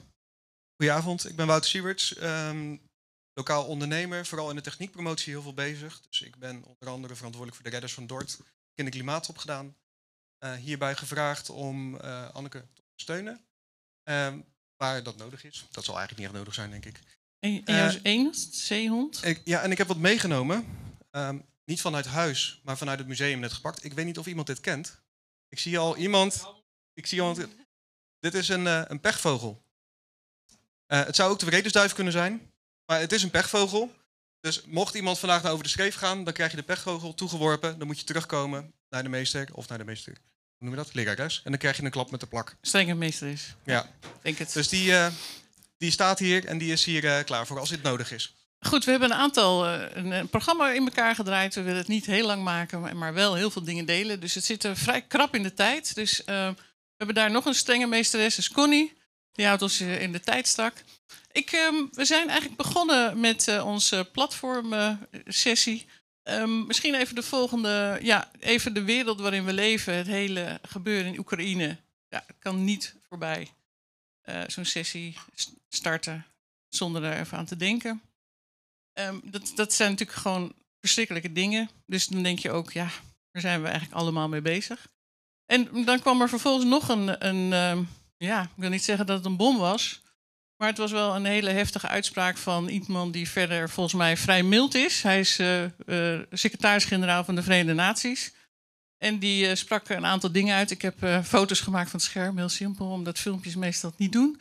Dus ik heb het zo gedaan. En hij um, het, op zijn, je moet denken dat het een Portugees is die heel boeiend Engels spreekt. Maar hij heeft verschrikkelijke dingen gezegd eigenlijk over het nieuwe rapport van de Verenigde Naties. Het uh, Internationale Panel on Climate Change rapport. En hij zegt het is een atlas van menselijk lijden. De volgende. En de vernietigende aanklacht tegen falend klimaatleiderschap. En daar gaan we natuurlijk jullie over bevragen. En bijna de helft van de mensheid leeft in de gevarenzone. De volgende. De feiten zijn onmiskenbaar. Het ontbreken van leiderschap is crimineel. Nou, ik weet dat we allemaal van goede wil zijn. Dus daar gaan we het straks allemaal over hebben. Um, nog even van, ja, wat hebben we zelf voor impact. Maar we hebben ook aan alle uh, woordvoerders gevraagd. Want zijn natuurlijk heel wat, voor de iedere keer meer, geloof ik. Uh, wat hun uh, ecologische voetafdruk was. En als het goed is, hebben jullie allemaal ingevuld. En um, als we zeggen dat dit donkergroen is, dan heel goed. En dat is heel donkerrood. Zouden jullie willen gaan staan waar jullie uh, terecht, waar jullie passen? Jullie ik ga vast even naar de gedaan. andere kant, uh, geloof ik. ik, ik moet hier ergens staan, ja, ben ik bang. Ja, is goed. Heb je het niet gedaan? Oh. Oh, kijk. Nou, dan gebruiken we dit meteen even als. dit is, dit is heel donkergroen. En dat is dan iets lichter. En dan, dit is de middenklasse en daarachter is oei oei. Um, Leo, het zal niet waar zijn. Oh, nou, dan mag je in het midden gaan staan. Dan, uh, want anders sta je bij de foute hoek, hoor. Dat is, uh, dan word je afgeserveerd. um, ja, we hebben bedacht dat we dit meteen als een soort voorstelrondje gaan doen... voor de mensen die jullie nog niet kennen. Um, Frans Bouke, ik, stel, ik, geef je nu al meteen uh, naam, maar kan je vertellen, zo heet je toevallig? Ja, maar dan hoef je niet meer voor te stellen bedoel ik. Maar wat zou je topprioriteit zijn de komende vier jaar? Op het gebied van duurzaamheid. Nou, eh, de, de energietransitie versneld eh, doorzetten en tegelijkertijd klimaatadaptatie, want beide is nodig om eh, de ontwikkelingen eh, die gaande zijn eh, een halt toe te roepen. Dankjewel. Wouter, jij staat er achteraan. Ja, ik sta helemaal aan de andere kant. Ik, eh, ik zit hier volgens mij voor mijn eigen footprint wat beter. Of nou, kloppender in ieder geval, niet beter. Eh, wat doe jij hier? Ehm, mijn naam is Sharon Zonna. Ik ehm, ben hier namens Forum voor Democratie. En waar ik me vooral voor wil inzetten is eigenlijk ehm, het aanpassen, zodat we goed omgaan met onze aarde. Dus eigenlijk heel algemeen. Alles in het kader van duurzaamheid. Maar daarnaast ook niet doorslaan in alles waar we mee bezig zijn en wat er nu speelt. Helder, dankjewel. Ik kom bij de volgende. Wil je je voorstellen en zeggen wat jouw topprioriteit is de komende vier jaar? Ja, zeker. Jan van Dam Timmers. Ik eh, sta op de lijst voor het eh, CDA Dordrecht, op plaats 2. en ik denk dat de topprioriteit moet zijn dat we eh, inwoners, ook mensen die wat minder verdienen, met eh, ja, leningen ook meenemen eh, in de energietransitie. Dus als er zonnepanelen mogelijk zijn of eh, ja, bijvoorbeeld eh, isolatie, dat je dat juist op die mensen inzet. Want mensen die veel geld hebben, eh, die gaan het zelf uiteindelijk toch wel realiseren. Dankjewel. Wouter? Mag ik er iemand uitlichten? Nou, hier staat zo. Ja, goedenavond. eh, Robert de Boer van eh, Op ons Eiland. Ja, ik eh, ga me heel erg inzetten voor de bewustwording zoals wij leven op deze aarde. En vanmiddag hoorde ik dat Nederland voor het einde van het jaar van het Russische gas af wil. Dat is natuurlijk een, een mooi doel, lijkt mij. Maar goed, dat betekent wel dat we anders om moeten gaan met, met energie. Dus inderdaad, de verwarming een, graadje lager. Maar ook inderdaad, ik denk veel meer inzet op elektrisch koken, rijden enzovoort enzovoort. Ja. Ik heb een doelstelling. Dave. Ja, David Schalke, lijsttrekker Beter voor Dort. En eh, voor de komende vier jaar zien wij het in ieder geval als een van de grote uitdagingen om die energietransitie eh, echt met alle Dortenaren op te pakken. Dus mensen met een, eh, ja, met een goed inkomen, maar ook mensen met een laag inkomen. En dat is volgens mij ook wat eh, Jan van Dam Timbers net aangaf. We moeten het met elkaar doen. En het moet vergelijkbaar zijn. En schrik je dan van de Guterres die zegt eh, falend klimaatleiderschap? Ja, dat is wel schrikken, inderdaad. En eh, daarom zijn we er denk ik ook ons allemaal wel van bewust dat, we, dat er een tandje bij moet. Dankjewel. Gert-Jan. Gert-Jan Kleinpaste van Gewoon Dort. Ehm, maatje 43, footprint twee keer zo groot, denk ik. Ehm, ja, en wat ik belangrijk vind is in ieder geval dat we in de stad veel meer gaan doen om hittestress tegen te gaan. Dus veel meer vergroenen in eh, de bebouwde omgeving. En verder sluit ik me erg aan bij eh, wat het CDA ook zei. Gewoon zorgen dat iedereen mee kan komen en maatregelen kan nemen. Eén ding wat volgens mij zou helpen, je krijgt subsidie als je twee maatregelen in één keer doet aan je huis. Doe dat nou gewoon per maatregel. Want veel mensen zijn al blij dat ze het ene jaar het ene en het andere jaar het andere kunnen doen. Kleinere hapjes. We gaan naar de volgende. Leo, je hebt niet ingevuld. Moet je toch even doen natuurlijk. Ik zie daar een camera. Misschien moeten we een beetje die kant op draaien. Kun je vertellen, welke plek sta je eigenlijk, Leo? Ik sta op twee. Dat is mooi. Wat gaan jullie doen als PvdA? Waar, wanneer ben je trots? Ik ben trots als wij erin slagen om eh, heel snel veel woningen eh, wat betreft warmte te isoleren. Eh, en dan met name de goedkope woningen. Goedkope huurwoningen, maar ook goedkope koopwoningen. Ik denk dat dat heel goed mogelijk is. En eh, we hebben een revolverend fonds. Dat moeten we veel meer onder de aandacht brengen. We moeten ons nog meer inspannen om eh, voor te lichten. En ik vind dat we ook de Eneco-gelden voor een deel daarvoor moeten gaan inzetten. Dat betekent aan de ene kant Kort hè, kort. besparen op CO2-uitstoot. Hartstikke nuttig. En dat betekent dat we hier niet onder water komen te staan als het goed gaat. En aan de andere kant betekent het lagere woonlasten, minder hoge woonlasten moet ik zeggen, voor een heleboel mensen met een beperkt inkomen. Duidelijk, dankjewel. Mag ik aan jou vragen? Ik ben Lodi Nijhoff, ik ben lijsttrekker van Moed. Mooi, open, eerlijk, duurzaam Dordrecht. En waar wij ons uh, vooral op willen inzetten is... Um, uh, je ziet dat mensen die in huurwoningen wonen, uh, van corporaties, dat die uiteindelijk zelf heel weinig aanpassingen kunnen doen aan hun woningen. Wij willen dat de gemeente in de prestatieafspraken, met wat dat betreft, voor 2023 uh, nou ja, laten we zeggen, goed afspreekt met de corporaties dat zij het geld wat er uit het Rijk komt om de huurwoningen uiteindelijk uh, aan te passen, ook dat echt gaan gebruiken en daar moet ook echt op gecontroleerd worden. En verder zijn we, nou ja, laten we zeggen, voor. Uh, je ziet ook dat de hittestress, zeg maar, dat dat doodsoorzaak nummer één is als het gaat om, nou ja, laten we zeggen, waar mensen tegenwoordig aan overlijden. willen uh, echt dat Dordrecht ook gaat kijken naar, um, als het gaat over bijvoorbeeld het kappen van bomen en het vervangen van bomen, dat er echt heel goed gekeken moet worden van waar dat uh, uiteindelijk weggehaald kan worden. Dankjewel. Ja, ga naar jou toe. Marcel. Marcel Vink. Oh ja, even in de camera kijken. Hans Wiegel die zei het nog, de moet onthouden. uh, Marcel Vink, PVV Dordrecht. Nee, maar van iedereen kan we leren. Zelfs voor GroenLinks af en toe maar. Nee, kijk. Marcel Vink, PVV Dordrecht. Wij bekijken het natuur, natuur en milieu heel erg praktisch. Ik kijk hier op de stoelen.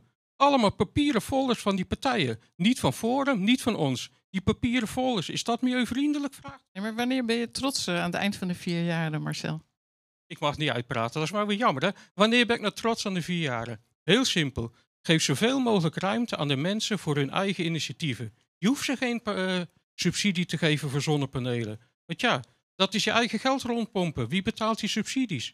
Onzin. Ruimte voor eigen initiatieven. Dankjewel. Wouter. Rick. Uh, drie dingen. Uh, ik denk dat uh, als we dit veel meer benaderen als een sociale transitie dan alleen als een technische verandering. Want die techniek ontwikkelt zich wel en het gaat gewoon door. Gedreven door geld, gedreven door ideeën, gedreven door noodzaak. Maar het gaat ook om de sociale verandering. Tweede, denk vooral in lange lijnen. Want dat hebben we volgens mij vier en misschien acht jaar ook wel geleden wel gezegd.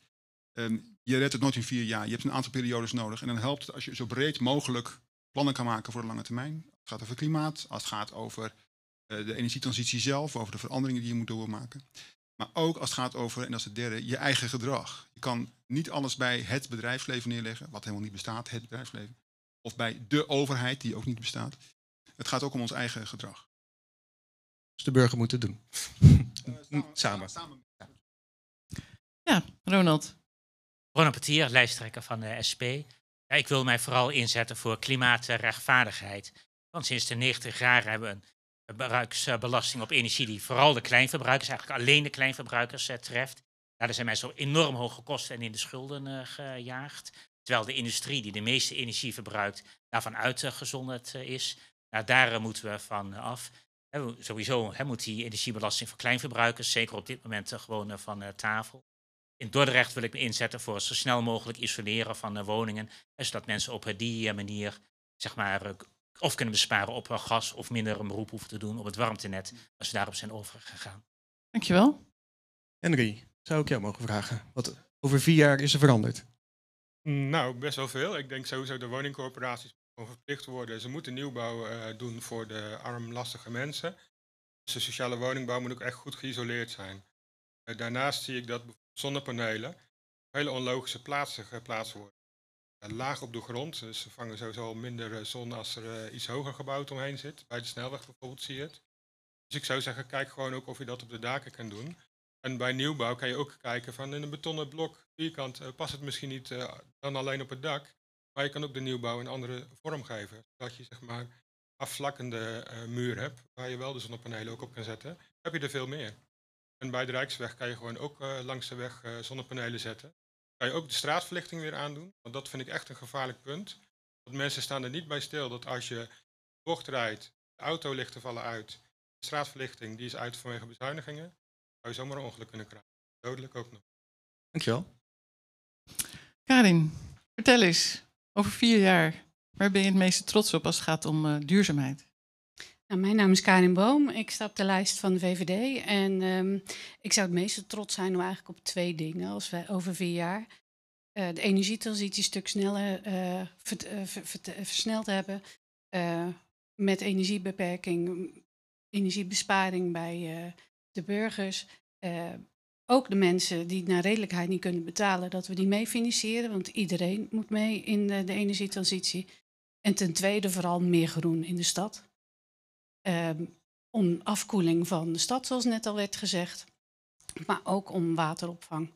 Als we te veel water krijgen, wateropvang en hoogwater. Dankjewel. Volgens mij hebben we er nog één partij over. Voor mij ook. Pieter, waar ga jij over vier jaar heel trots op zijn? Nou, uh, ik wil me dus ingezetten in de raad uh, voor dat de gemeente Dordrecht ervoor gaat zorgen dat we de klimaatcrisis en de ecologische crisis, dus het uitsterven van soorten, in samenhang gaan uh, oplossen. Want dat zijn heel erg gerelateerde problemen. En ik wil de gemeente Dordrecht aan het akkoord van Parijs houden. Waarin we in 2015, eh, Nederland heeft daar zijn handtekening onder gezet, gezegd hebben dat we ons best moeten doen om klimaatverandering tot anderhalve graad opwarming te beperken.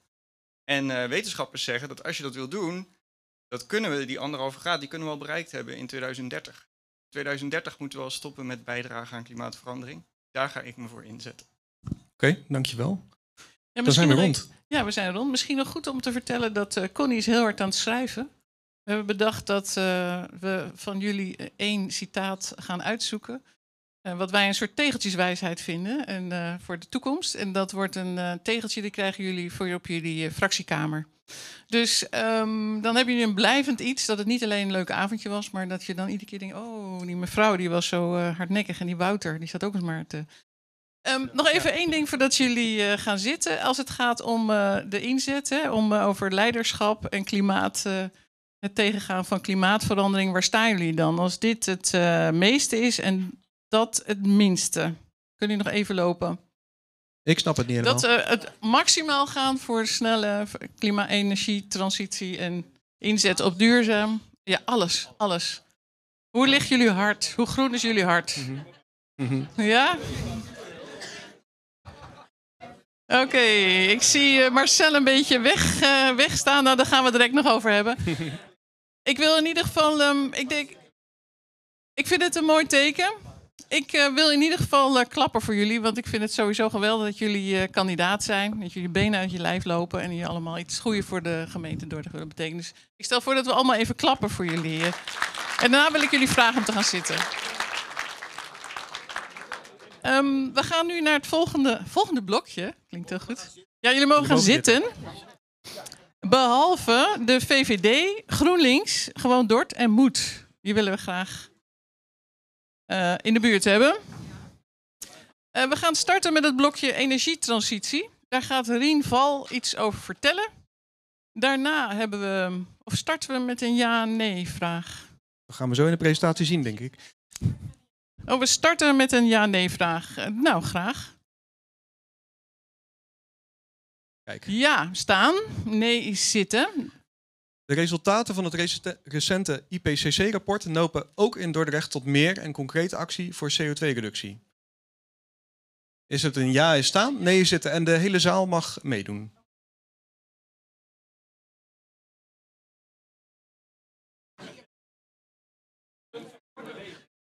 Hm. Ik heb eh, één korte vraag tussendoor, geloof ik. Marcel. Een punt van orde, wat zien jullie als actie? Wij zien actie, wij zien actie. Geef mensen maximaal de ruimte. Nou, de actie, dat mag ook, de dat is actie actie. is de regionale energiestrategie, die is er. Er is een bod gedaan door de gemeentes, door de gemeenteraad gegaan. En is het nu zo dat jullie daar meer urgentie uit dat IPCC-rapport halen? Waar je zegt, ja, er moet gewoon echt meer gebeuren nu dan, dan dat we dachten. Hè? Want in feite, ik weet niet of je het rapport kent, eh, de effecten zijn des te erger. Er is een samenhang tussen de, eh, de temperaturen, drinkwaterschaarste, eh oogsten, migratie van mensen die op de vlucht moeten omdat er geen eten en drinken meer is. Dus, maar goed, ik denk dat het duidelijk is. Ik stel voor dat we naar de stellingen gaan. Rien, jij zou nog een korte inleiding houden, want Rien is, zet zich namens het platform in voor energie. Ja, nou, even, even. Het duurt maar heel kort als het goed is. Rien. Gaat dat zo? Oké. Nou, nu aan de bak met de energietransitie. Dat stond ook vanmorgen in de krant. Dus ik denk dat. En ik zag dat iedereen ook net bleef staan. Dus dat lijkt me een heel goede kop eh, voor vanavond. Ehm, ja.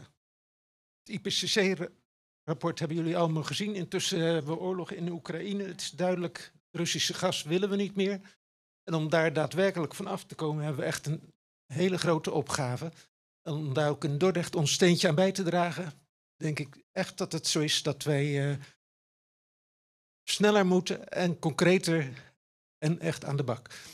En daarvoor zijn, is nodig dat we concrete projecten ervan maken. Dus niet alleen maar brieven naar de bu- buren, maar echt concrete projecten in elke buurt organiseren.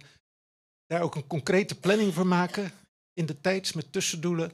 En vooral ook dat we alle bewoners en de burgers van deze stad daar intensief bij betrekken. Dat geldt voor opwek, Maar eh, dus voor, voor, voor eh, nou ja, windmolens, voor zover die er nog komen, en voor eh, zonneparken die we hebben. Ook daar is het. Zon op dak? Zon op dak, maar ook zonneparken. Maar ook ja, eh, zon op dak, daar ben je natuurlijk sowieso als bewoner bij betrokken. Maar juist ook voor al die andere dingen is het wat ons betreft, zou je daar ook als burger het collectief eigendom goed bij betrokken moet worden. Om daarmee ook het draagvlak en de betrokkenheid van de burgers te vergroten. Dat geldt ook voor de energiebesparing. Daar zou je wat ons betreft daar ook concrete projecten van moeten maken. Wij, eh, eigenlijk net als in de tijd van de stadsvernieuwing en in de tijd van de funderingsaanpak, dat je daar eh, met de forse bewonersondersteuning daadwerkelijk doelen stelt en die mensen van het, eh, uiteindelijk van het aardgas afhaalt. En dat kan in fases gebeuren en in, misschien in een aantal projecten, maar in ieder geval heel concreet stimuleren. En als voorbeeld, we hebben nu in de regionale energie, in de transitie warmte, daar staat nu bijvoorbeeld dat Sterrenburg en eh Dubbeldam pas na 2040 aan de beurt zijn om te nadenken wat ze daar überhaupt voor warm, waar ze hun warmte vandaan moeten halen. Ja, dat is te laat. IPCC werd net al gezegd, 2030, misschien 2040, maar 2050, dan weten we zeker dat we te laat zijn. Kortom, versnelling, concretisering, burgers erbij betrekken, daar gaat het om. Dankjewel, Lien. En ook dank voor je inzet. Eh. De stellingen. En ik wil graag jullie hier naar voren halen. Ik geef jullie direct. eh, we hebben stellingen neergezet. Oké. Stelling 1. De gemeente neemt verantwoordelijkheid voor de realisatie van coöperatieve wind- en zonne-energie, zoals beschreven in de RES. Ik geef jullie.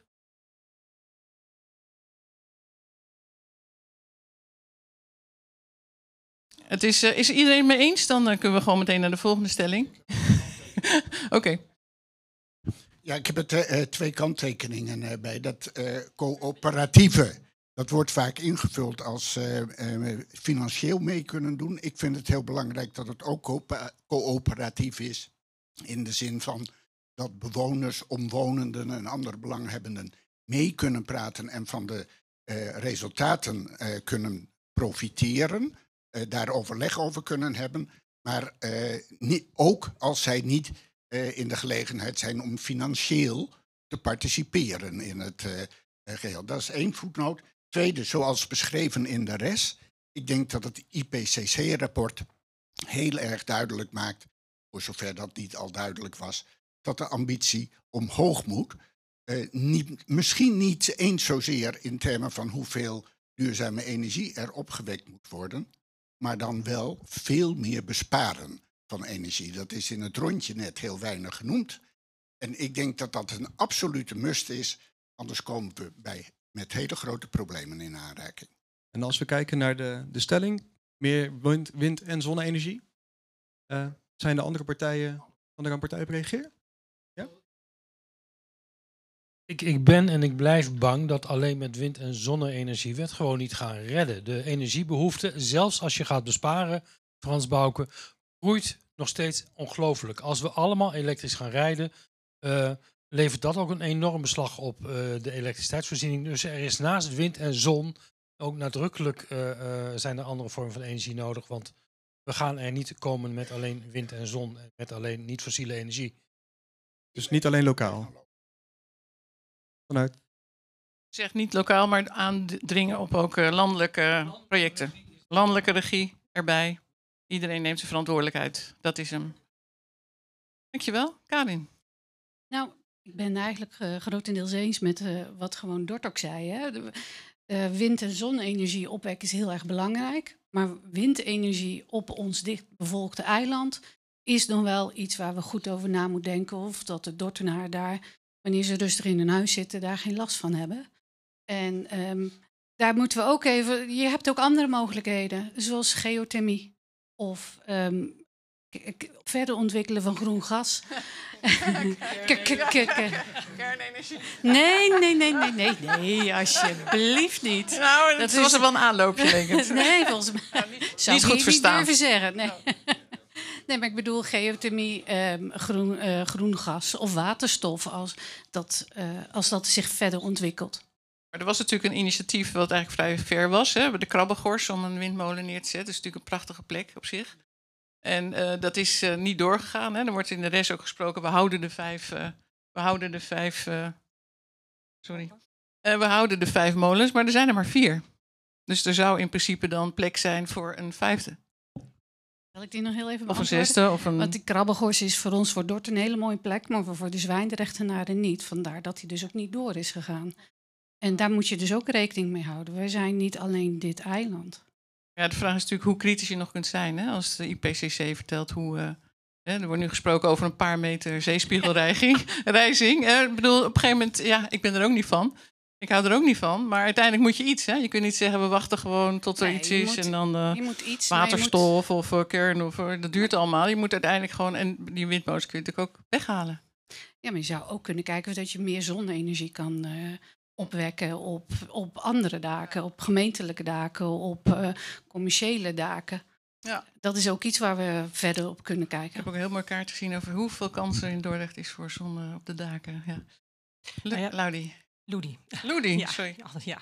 Ehm, wij zouden heel graag eh, ook ingaan op dat eh, stukje wat hier in het begin werd gezegd over de inspraak van burgers. eh, wat dat betreft op de hele energietransitie. En zouden ook willen pleiten om in ieder geval een adviesraad voor de, laten we zeggen, voor de raad te maken, voor de gemeenteraad.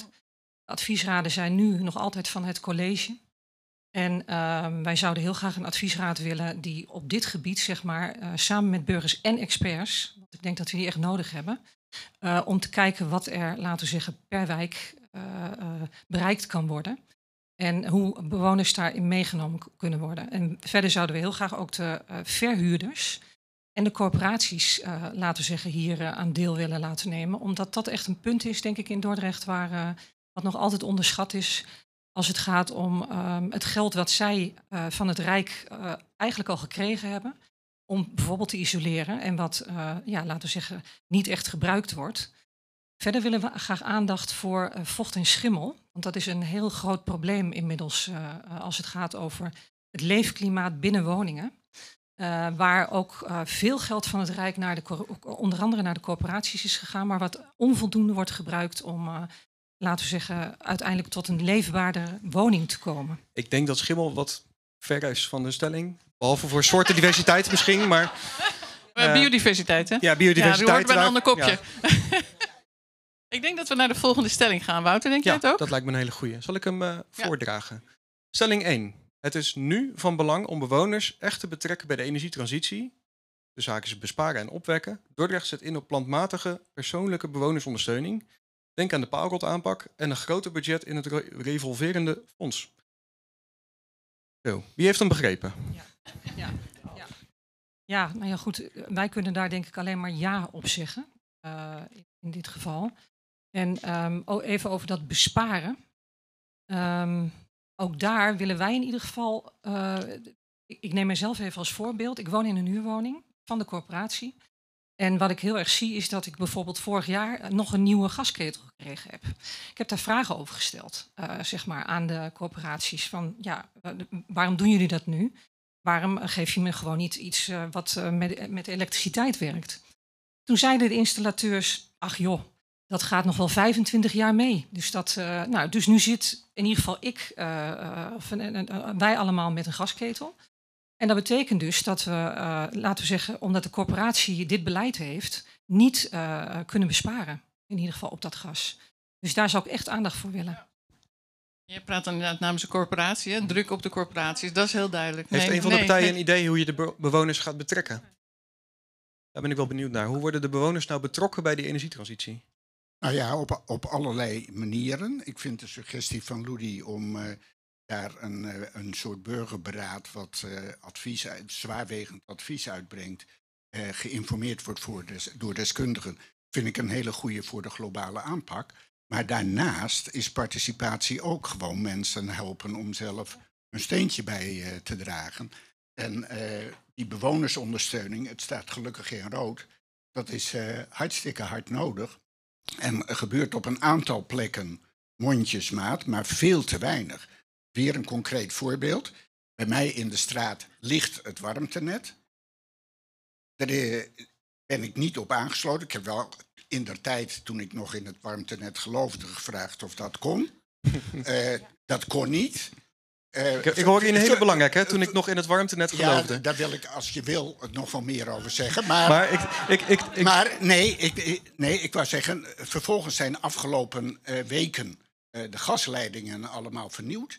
En ik heb geen enkele eh, advies of voorlichting of aanbieding gekregen om bijvoorbeeld met warmtepompen of wat dan ook na te denken over hoe ik mijn huis kan verwarmen. Nou gaat het niet om mij, maar ik denk dat er talloze mensen in zo'n soort situatie zitten. Hebben we nog tijd voor één korte reactie? Oh, dat mag ook. Ja. ja, precies. Iedereen is het dan mee eens. De ondersteuning van burgers door de ondersteuning van burgers door burgers en de aanpak van energiearmoede bij huurders en kopers wordt de komende collegeperiode structureel gefinancierd. Nou, mag ik hem aan jou geven wel Oh. als eh, coalitiepartij? Wat is? Oh, ik ben te laat. Ik was net zo leuk bezig. Eh, Eh, nee, ik hoop. Als, eh, ik miste wel je lijsttrekker natuurlijk, maar jij bent natuurlijk ook onmisbaar. Maar het zal niet zijn dat hij niet van, eh, voor duurzaamheid is, neem ik aan. Nee, ik zal hem kort houden, Gert-Jan. gewoon even af. Daar is voor. Zeker op internationale vrouwendag. Dankjewel. nee, ehm, wij eh, zijn zeker van de ondersteuning van burgers en ehm, de energiearmoede be- bestrijden. Ehm, maar wel zoveel mogelijk waar de mensen het niet in redelijkheid kunnen dragen. Dus structureel financieren voor heel Dordrecht is, valt voor ons gewoon niet te doen. Anders hebben we gewoon geen geld meer voor onderwijs of veiligheid op straat. Maar wel financieren voor mensen die het niet kunnen betalen. Dankjewel. Ja, ik, ik, ik sluit me daar in grote lijnen wel bij aan. Eh, energiearmoede is natuurlijk echt eh, eh, iets wat hand over hand toeneemt. Daar moeten we serieus werk van maken. En dat ook structureel voor de groep die dat echt hard nodig heeft. Dus dat is volgens mij helder en ook iets substantiëler dan alleen maar ledlampjes. Denk ik dan stiekem ook maar. Eh, maar verder is het gewoon heel erg belangrijk dat hele grote groepen mensen die wel van goede wil zijn, maar het op dit moment echt niet redden om eh, te verduurzamen eh, in hun eigen woning, om die met revolverende fondsen en met andere middelen echt op weg te helpen en die weg ook veel helderder te schetsen. Want heel veel mensen lopen echt, eh, die willen wel iets, die lopen te zoeken, komen er niet uit en denken van, laat maar. Ik hoor, ik hoor klimaatleiderschap.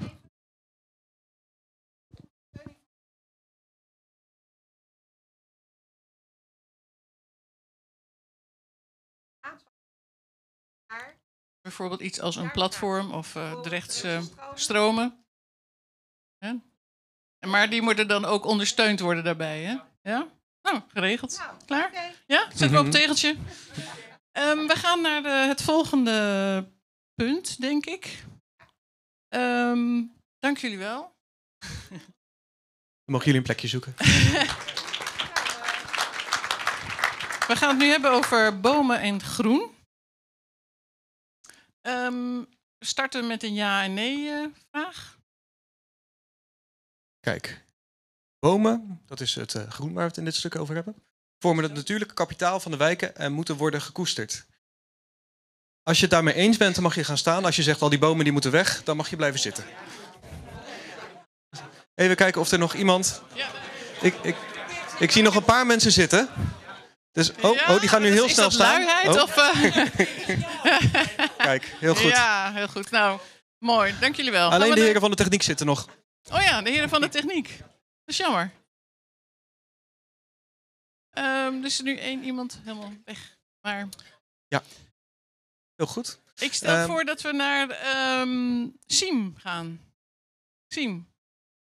Er is een heel netwerk natuurlijk van mensen die keihard sjouwen voor een heleboel onderwerpen. Allemaal vrijwillig. Siem, jij bent er één van. Super dat jij even de vloer neemt en ons eh, ja, jouw hartekreten ook voor de komende periode en je gevoel bij groen en blauw. eh, maar wel graag kort. Hij is, eh, komt uit de financiële wereld en kan heel lang praten. Ik hou hem vast. Heeft dat niet, hè? Ja, beste mensen. Ik ben de afgelopen jaren heel intensief bezig geweest met bomen. Ik niet alleen, eh, ook de bomenridders inmiddels. IVN is voortdurend bezig, de Stichting Stad. We zijn allemaal bezig om te bereiken dat die bomen gekoesterd worden. En als ik dat nou zo zag in de zaal, dan denk ik, nou, een eitje. Maar als ik naar het verleden kijk, de afgelopen tien jaar, dan is dat geen eitje. Afgelopen tien jaar heb ik uit een analyse van de uh, bomenlijsten geconstateerd, zijn er van de 6000 bomen 1200 bomen verdwenen. 20 procent. Ik noem dat geen koesteren. Ik weet niet hoe jullie er tegenaan kijken, maar ik denk dat we dat beter moeten doen. Als we daar, als we daar het allemaal over eens zijn, dat we de bomen echt gaan beschermen, dan doen we een aardige stap in de richting van wat het klimaatpanel eigenlijk wil. Bomen behouden en, niet vergeten, bomen uitbreiden. Want we horen het overal. Bomen, meer bomen. CO2-afvang, verkoeling, schaduw. Iedereen weet het, hè? Uh, maar in Dordrecht helemaal niet. Wij hebben hier het beleid, en dat kun je terugvinden in allerlei stukken, om bomen te vervangen en niet meer dan dat. Uitbreiden van bomen is er niet bij. Dat moet u zich goed realiseren. Ik zou dus een pleidooi willen voeren om uit te breiden. En niet met één boom of 800 bomen vanwege 800 jaar Dort. Nee, met duizenden bomen. De bomenridders die zeggen honderdduizend bomen. Ik heb in het verleden wel eens gezegd, ja mevrouw, u lacht. Maar als u zich realiseert dat het een probleem is, die bomen, dan denk ik dat u ook wel denkt van nou, misschien hebben ze wel gelijk. Ik heb in het verleden ook wel eens gezegd 25.000 bomen in de binnenstad. Dat kan, dat kan echt. Alleen, we moeten het wel doen. Doei. Hm, dankjewel. Super. Ja, ja. Uh, we willen graag naar voren. Um, beter voor Dort. Uh, ja, ik doe het zonder bril, dat is lastig. Jezus leeft, Henny van den Burg, Leo Dame en Wouter. Nee, Robert. Ja. Uh, we hebben een aantal stellingen. Wouter, kan jij uh, Ja, zeker. Nou, het verhaal van Siem is voor mij het wel een eye-opener eigenlijk. Ik wist niet dat er zo weinig bomen hier waren en dan ook nog zoveel gekapt. Stelling 1. Alle vitale bomen moeten tegen kap beschermd worden. Een actueel openbaar bomenregister is nodig. Dus we hebben een telefoonboek nodig, of nou geen telefoonboek, maar een register waarop iedere boom geregistreerd is. En er wordt geen boom meer gekapt. Is het iemand het daar niet mee eens? Dan is dat denk ik een hele mooie mee te beginnen. Nou, ik vind dit wel heel absoluut. Stel je voor, je kunt op een bepaalde plek alleen maar door een boom te kappen een goed fietspad aanleggen. Kun je, vind ik, heel goed ervoor kiezen om te zeggen van, nou die boom kappen we. Dus zo absoluut, 100% van alle bomen moet blijven staan, vind ik niet. Ik vind dat je anders moet insteken. Je moet zeggen van, nou, als je een boom weghaalt, vier terugplaatsen of acht terugplaatsen. En ook dat je nog veel verder kunt gaan dan wat er nu gebeurt. Uh, je kunt, er staan vrijwel geen bomen op parkeerterreinen zijn prima plekken om of bomen op te zetten of uh, zonnepanelen. Nou, voer een belasting in voor parkeerterreinen waar geen bomen op staan of geen zonnepanelen. Je hebt een financieringsbron volgens op andere plekken die bomen wel neer te zetten. Belasting heffen op parkeerterreinen zonder bomen. En wil je me daarop reageren? Ik wil wel reageren op het feit uh, uh, wat Leo aangeeft. Want het is inderdaad zo, soms ja, ontkom je er niet aan om uh, uh, een keer een boom te kappen. Maar wat dat betreft is het ook heel belangrijk dat je dan met elkaar goede afspraken maakt dat er ja, misschien wel meer dan één boom voor terugkomt. Hè, want als je een volwassen boom kapt en je plaatst een jonge boom terug, dan, uh, ja, dan is dat niet een goede vervanging. Dus dan zou je dat nog beter kunnen doen, zeker. Het idee is nu ook dat het nu natuurlijk een bomenlijst is en die is eigenlijk heel beperkt. Hè? Dat is eigenlijk de, de cri de keur. En ook dat feit dat je um, openbaar bomenregister wil zeggen dat ook iedereen weet hoe, hoe het met die bomen gaat. En als je gekapt wordt, dan kan je zeggen, oh, die hielden ze al een tijdje in de gaten, want die was niet helemaal goed. Dat dus is iets meer macht bij de burger eigenlijk. Iets, nou, meer, uh... iets meer zicht op en ook begrip voor. En ook misschien ook informatie geven. De bewoner kan ook informatie geven over die bomen. Kun je ook nog wel verder gaan, want we hebben het nu over de bomen op het in het openbaar gebied. Er zijn natuurlijk ook heel veel bomen die op privéterrein staan. En daar zou je natuurlijk ook een, een lijst voor kunnen aanvullen. Nou, die lijkt me heel interessant. Nou ja, bedoel, Ja, die nee, zijn net zo belangrijk Die zijn heel bepalend, Ja, zeker. bedoel zeker. Ja, klopt. Ja, dankjewel. Die wilde ik eigenlijk net inbrengen, eh, David, want ik denk, ja, dankjewel. Hey, die 6000 bomen, dat zijn waarschijnlijk allemaal bomen op ehm, algemeen terrein. Dus niet op, het, op de privéplaatsen. Er staan nog heel veel bomen, denk ik, ook in de tuinen. Een hele korte factcheck. Is dat, je mag blijven zitten, ik kom naar je toe. Zijn het bomen op openbaar terrein? Nee, nee, nee. En een deel daarvan is ook bij particulieren. Maar die 6000 bomen zijn alleen de beschermde bomen. Er zijn eh 50.000 bomen die door, eh, in beheer zijn bij de gemeente. En in totaal zijn er op het eiland 100.000 bomen. Voor iedere inwoner een boom, grofweg. Maar goed, ik denk dat we wel heel veel rekening houden nu met noem maar parkeerplekken. En ik kom soms plekken tegen in de stad. Er staat er een boom midden op een parkeerplaats. Dan denk ik, ja, aan de andere kant zou ik denken van waarom doen we dat niet op een andere manier? Dus ik zeg, maar dan moet die boom weg. Ik zou juist andersom willen zeggen. Die boom die stond er al. Gaan we ergens anders bouwen. Ja, dus ehm, ja, ik ben eh, zeker voor het verdubbelen van bomen. Ja, ook zeker voor het, eh, voor het klimaat. Dus eh, wat dat betreft eh, helemaal mee eens. Dankjewel. Ik jou het, eh, Bij mij staat sowieso ook in het partijprogramma van Jezus Leeft dat wij ook in de wijken gewoon groen willen plaatsen. Dus iedereen mag wonen zoals hij wil. Ik ben niet voor mensen iets op te leggen, maar ik vind wel dat eh, groen gewoon belangrijk is. Wat mij overigens, wat hier een beetje aan raakt en wat mij ook verbaast, dat in eh, de Vogelenbuurt is, zijn heel veel woningen die worden afgebroken, zijn afgebroken. Sommige zijn al nieuwbouw voorgekomen. Er staat er letterlijk in de contracten, mag ik mijn tegels weghalen? Er staat ook letterlijk in de contracten, nee.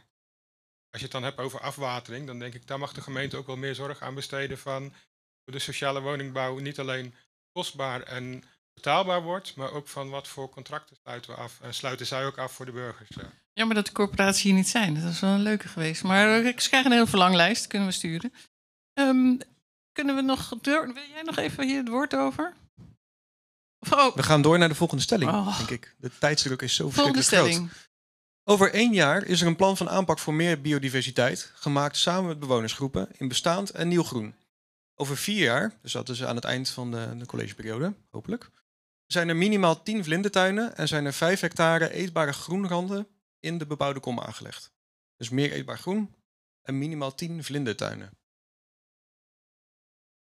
Het mee eens? Helemaal mee eens. Dus ik denk dat eh, de Dresstad boeren het heel druk gaat krijgen. Ik weet niet waar die zit. Oh, daar. nee? Ah. Ehm, Ja, misschien moet ik even toelichten. Eh, eetbare, eetbare ehm, hoe noemen we Groene dat? randen, ja, Groene dus randen is... eh, je hebt niet voedsel- gelijk voedsel, hè? Denk je hebt voedselbossen, maar daar heb je echt een plek voor nodig. En, maar Ja. je kunt ook dat sortiment in de randen van plantsoen eh, neerzetten. En dat kan ook heel goed in de bebouwde kom. Nou, het klinkt heel goed als ik het zo zie. Dus wat dat betreft, eh, doen. Er zit een tegenstelling in de stelling. Enerzijds wil je plannen maken met bewonersgroepen, anderzijds zeg je al wat dat moet opleveren. Ja, of je gaat overleggen, of je zegt meteen al wat het op moet leveren. Maar niet allebei. Nou, of NN, hè, dat kan natuurlijk wel. Je kan toch ja, doorbouwen? kunt NN doen. Zeker. Dat wil niet zeggen dat eh, als je... Me... Eh, het mag ook 100% vlindertuin worden. Dat mag ook. Maar, oké, goeie. staat het eh, met bewonersgroepen. We hebben natuurlijk ook in het buitengebied hebben we te maken eh, met, met de boeren en zo. Het lijkt me ook heel goed om daar te kijken wat je samen met die boeren kunt doen om die biodiversiteit te verbeteren in het buitengebied. Ik ga even naar, naar eh, Jan. Eh, Jan, eh, zie jij kansen voor eh, eetbaar groen in de stad maken? Zeker, natuurlijk, altijd. Overal? Overal. Nou, heel veel, er worden heel veel bomen geplant in woonwijken natuurlijk.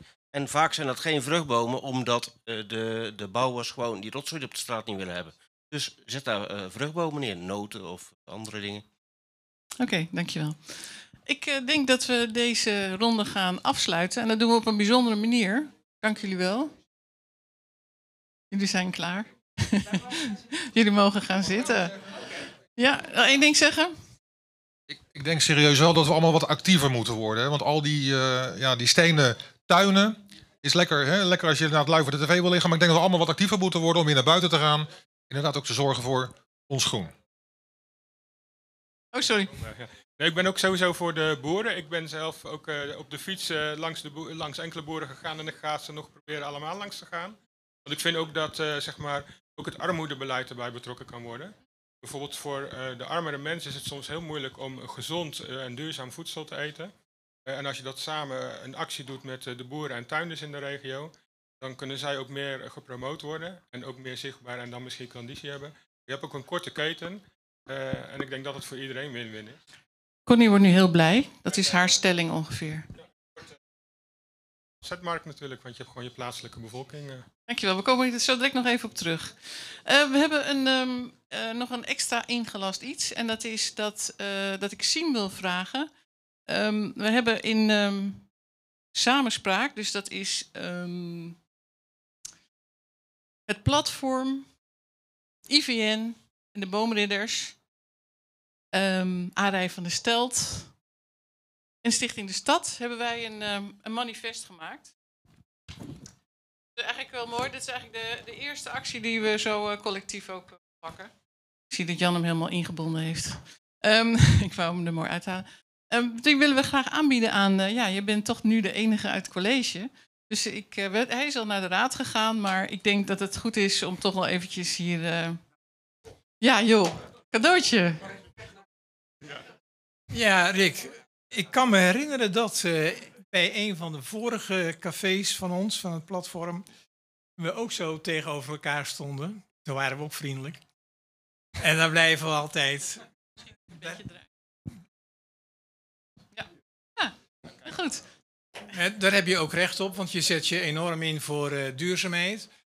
Eh, dat waarderen wij heel erg. Eh, maar we al pratend met de organisaties eh, waar Anneke het net ook over had. Ik vergat de boomridders volgens mij te noemen. Oh, heb ik gezegd? Oh. Gelukkig. hebben we gedacht, jongens, het wordt nu toch eigenlijk wel echt tijd, mede ook gezien de IPCC eh, gebeuren, om eh, alles wat wij als burgers en als organisaties heel erg graag willen op duurzaamheidsgebied met betrekking tot bomen, dat nou eens op te nemen in een manifest. En dat is natuurlijk, de vorige keer wat ging het over voedselbossen, toen was het een beetje vrijblijvend aftasten, maar nu is het toch eigenlijk wel een dwingend appel. Ja, een manifest, dat breng je niet zomaar uit. Hè, kan je... Manifest kan je niet omheen. Nee, nee. Nee, een appel kan je eigenlijk ook niet omheen, maar een manifest, ja, dat is toch wel erg zwaarwegend. Dus ik hoop dat je hiermee je voordeel kunt doen. Ik zou adviseren om de politieke partijen ook eh, eens een keer in een reden toe te spreken en te zeggen: mensen, hoe ver staan jullie hier nu eigenlijk mee als je terugkomt eh, na de verkiezingen als raadslid of als eh, wethouder? Maakt niet uit. Ik hoop dat je hier je voordeel, voordeel mee kan doen en dat de andere politieke partijen het ook oppikken. En dat we over vier jaar kunnen zeggen, een deel van dit manifest is uitgewerkt. Dankjewel. Misschien nog even goed om te zeggen dat de gemeente eigenlijk onze groep ook bij elkaar gebracht heeft. Ja, ja zie ik wel. Ik zeg het ook heel eerlijk. Ja, heel kort. Dat moet zeggen kort. Ja. Ja. Ik heb het ook gedaan, hield ik hem ook altijd vast. Heel goed. Nou, wat ik leuk vind, ehm Bomen Kroon, mooie titel, maar ook dat dit de afzenders zijn. Want bomen staan nooit op zichzelf. Bomen maken deel uit van de stad. Ik zie ook een aantal eh, clubs die zich inzetten voor, voor natuur. Ehm, en eigenlijk is het het mooist als je bomen in hun samenhang ziet. Ehm, mijn vader was houthandelaar. En, Hield van zagen? hij hield van zagen, maar hij hield ook van, hij hield ook van ruiken. Ehm, hij, had thuis een monsterdoosje met, met allerlei eh, houtsoorten. eh, die vroeger nog verhandeld mochten worden. Van helemaal pikzwart tot helemaal wit. En alle kleuren ertussenin. En hij kon met zijn ogen dicht ruiken wat voor hout het was. Nou, die variëteit, die we natuurlijk ook hebben weggekapt in de afgelopen 150 jaar, dat is helemaal niet goed. Maar die variëteit zou je eigenlijk best meer willen zien, ook in onze omgeving, zowel in de stad als daarbuiten. Ehm, nou goed, dit is een heel dun manifest. Ja, dan kun je het uit je hoofd leren, is het idee. Ehm, en op plaatjes ook. Maar ik denk dat het goed is om dit sowieso, dit soort eh, manifesten, want er zijn meer van dit soort ideeën natuurlijk, gewoon ook eens inderdaad met alle 16 partijen te bespreken. Eh, of althans, in ieder geval 39 raadsleden. Om te kijken wat je ervan kan eh, meenemen en hoe je dat samen kan doen met de bouwopgave, de leefbaarheidsopgave, de beweegopgave enzovoorts, die we allemaal in de stad hebben. Je hadden aangeboden bij een commissievergadering te komen, maar misschien gaan we dat gewoon een keer expliciet doen, een keer sessie. Dankjewel. Ja, heel goed. Goed, we gaan naar het volgende onderdeel. Oh, dan ben ik zelf aan de beurt, geloof ik. Dat is, ehm, ik weet niet precies hoe we het genoemd hebben.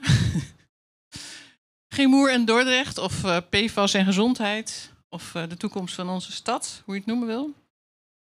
Ehm, toen ik gevraagd werd om eh, dit te hosten, heb ik gezegd op basis van twee voorwaarden. Ik ben een eh, charmante jonge man als co-host. Die konden ze helaas niet vinden, maar ik, ik had wel tijd. en ik wil het hebben over Gemoer. Ehm, ik moet zeggen, ik was laatst gevraagd om weer eens een rondje om het wandtijd te maken, om weer eens de oevers te bekijken. En ik kwam daar op, de, op deze plek, eh, Baanhoek weg, en daar zie je, sta je midden op de weg. En dan zie je aan de ene kant zie je het geweld van eh Gemoer. En aan de andere kant zie je een drinkwaterbekken en een drinkwaterleidingbedrijf. Dat ik denk, zal de wethouder nou niet bang zijn dat hij een schade, een zaak aan zijn kont krijgt? Want het is wel heel overduidelijk dat dit gewoon een, een hele heftige situatie is, alles bij elkaar. Ehm, de laatste periode is. ehm, kijk, ik kan me ook voorstellen. Ik, heb al eerder met Rick ook gesprekken over gehad. Het is historisch gegroeid. Het was een geweldig bedrijf. had heel veel eh, werkgelegenheid. Nou, dat is, die werkgelegenheid is enorm verminderd, heb ik begrepen. En ook ja, uiteindelijk blijkt dat de effecten is van die spullen die ze daar maken. gewoon desastreus is. Het, ehm, het zit overal in. Het zit in het drinkwater. De drinkwaterbedrijven hebben er last van. Mensen die een huis willen verbouwen, die mogen de grond niet kwijt, omdat daar eh, PFAS in zit. En eigenlijk zijn we gewoon een haard hier in Dordrecht, wat op zich verder een, eh, nou, goddelijk eiland is, laat ik het zo zeggen. Eh, is het toch eigenlijk wel een hele rare dissonant. En ehm, ik denk, ik ga het gewoon toch, toch gewoon in jullie midden gooien. Eh, er zijn ook allerlei nieuwe wetgevingen, Europese nieuwe wetgevingen over. Nou, ik heb zie raadsinformatiebrieven, de, de rechtszaken, eh vergunning, nou toestanden gewoon. En ik denk, misschien is het gewoon een soort kantelmoment om te zeggen van. Dordrecht staat nu als zevende plek op de alle registers als aantrekkelijke woonplek. Eh, hoe verhoudt zich dat met zo'n zo'n haard? Ehm, we hebben hele mooie plannen gezien over bouwen op de staart, wat een hele veilige plek is. Hè? Vluchthaven de staart. Is het niet eens tijd om daar eens eh, anders eh, naar te gaan kijken? Dus vandaar dat ik dit onderwerp heb gebracht. We starten met eh, de ja-nee-vraag, eh, assistenten. De productie van PFAS en soortgelijke verbindingen is een gevaar voor de volksgezondheid en is slecht voor Dordrecht.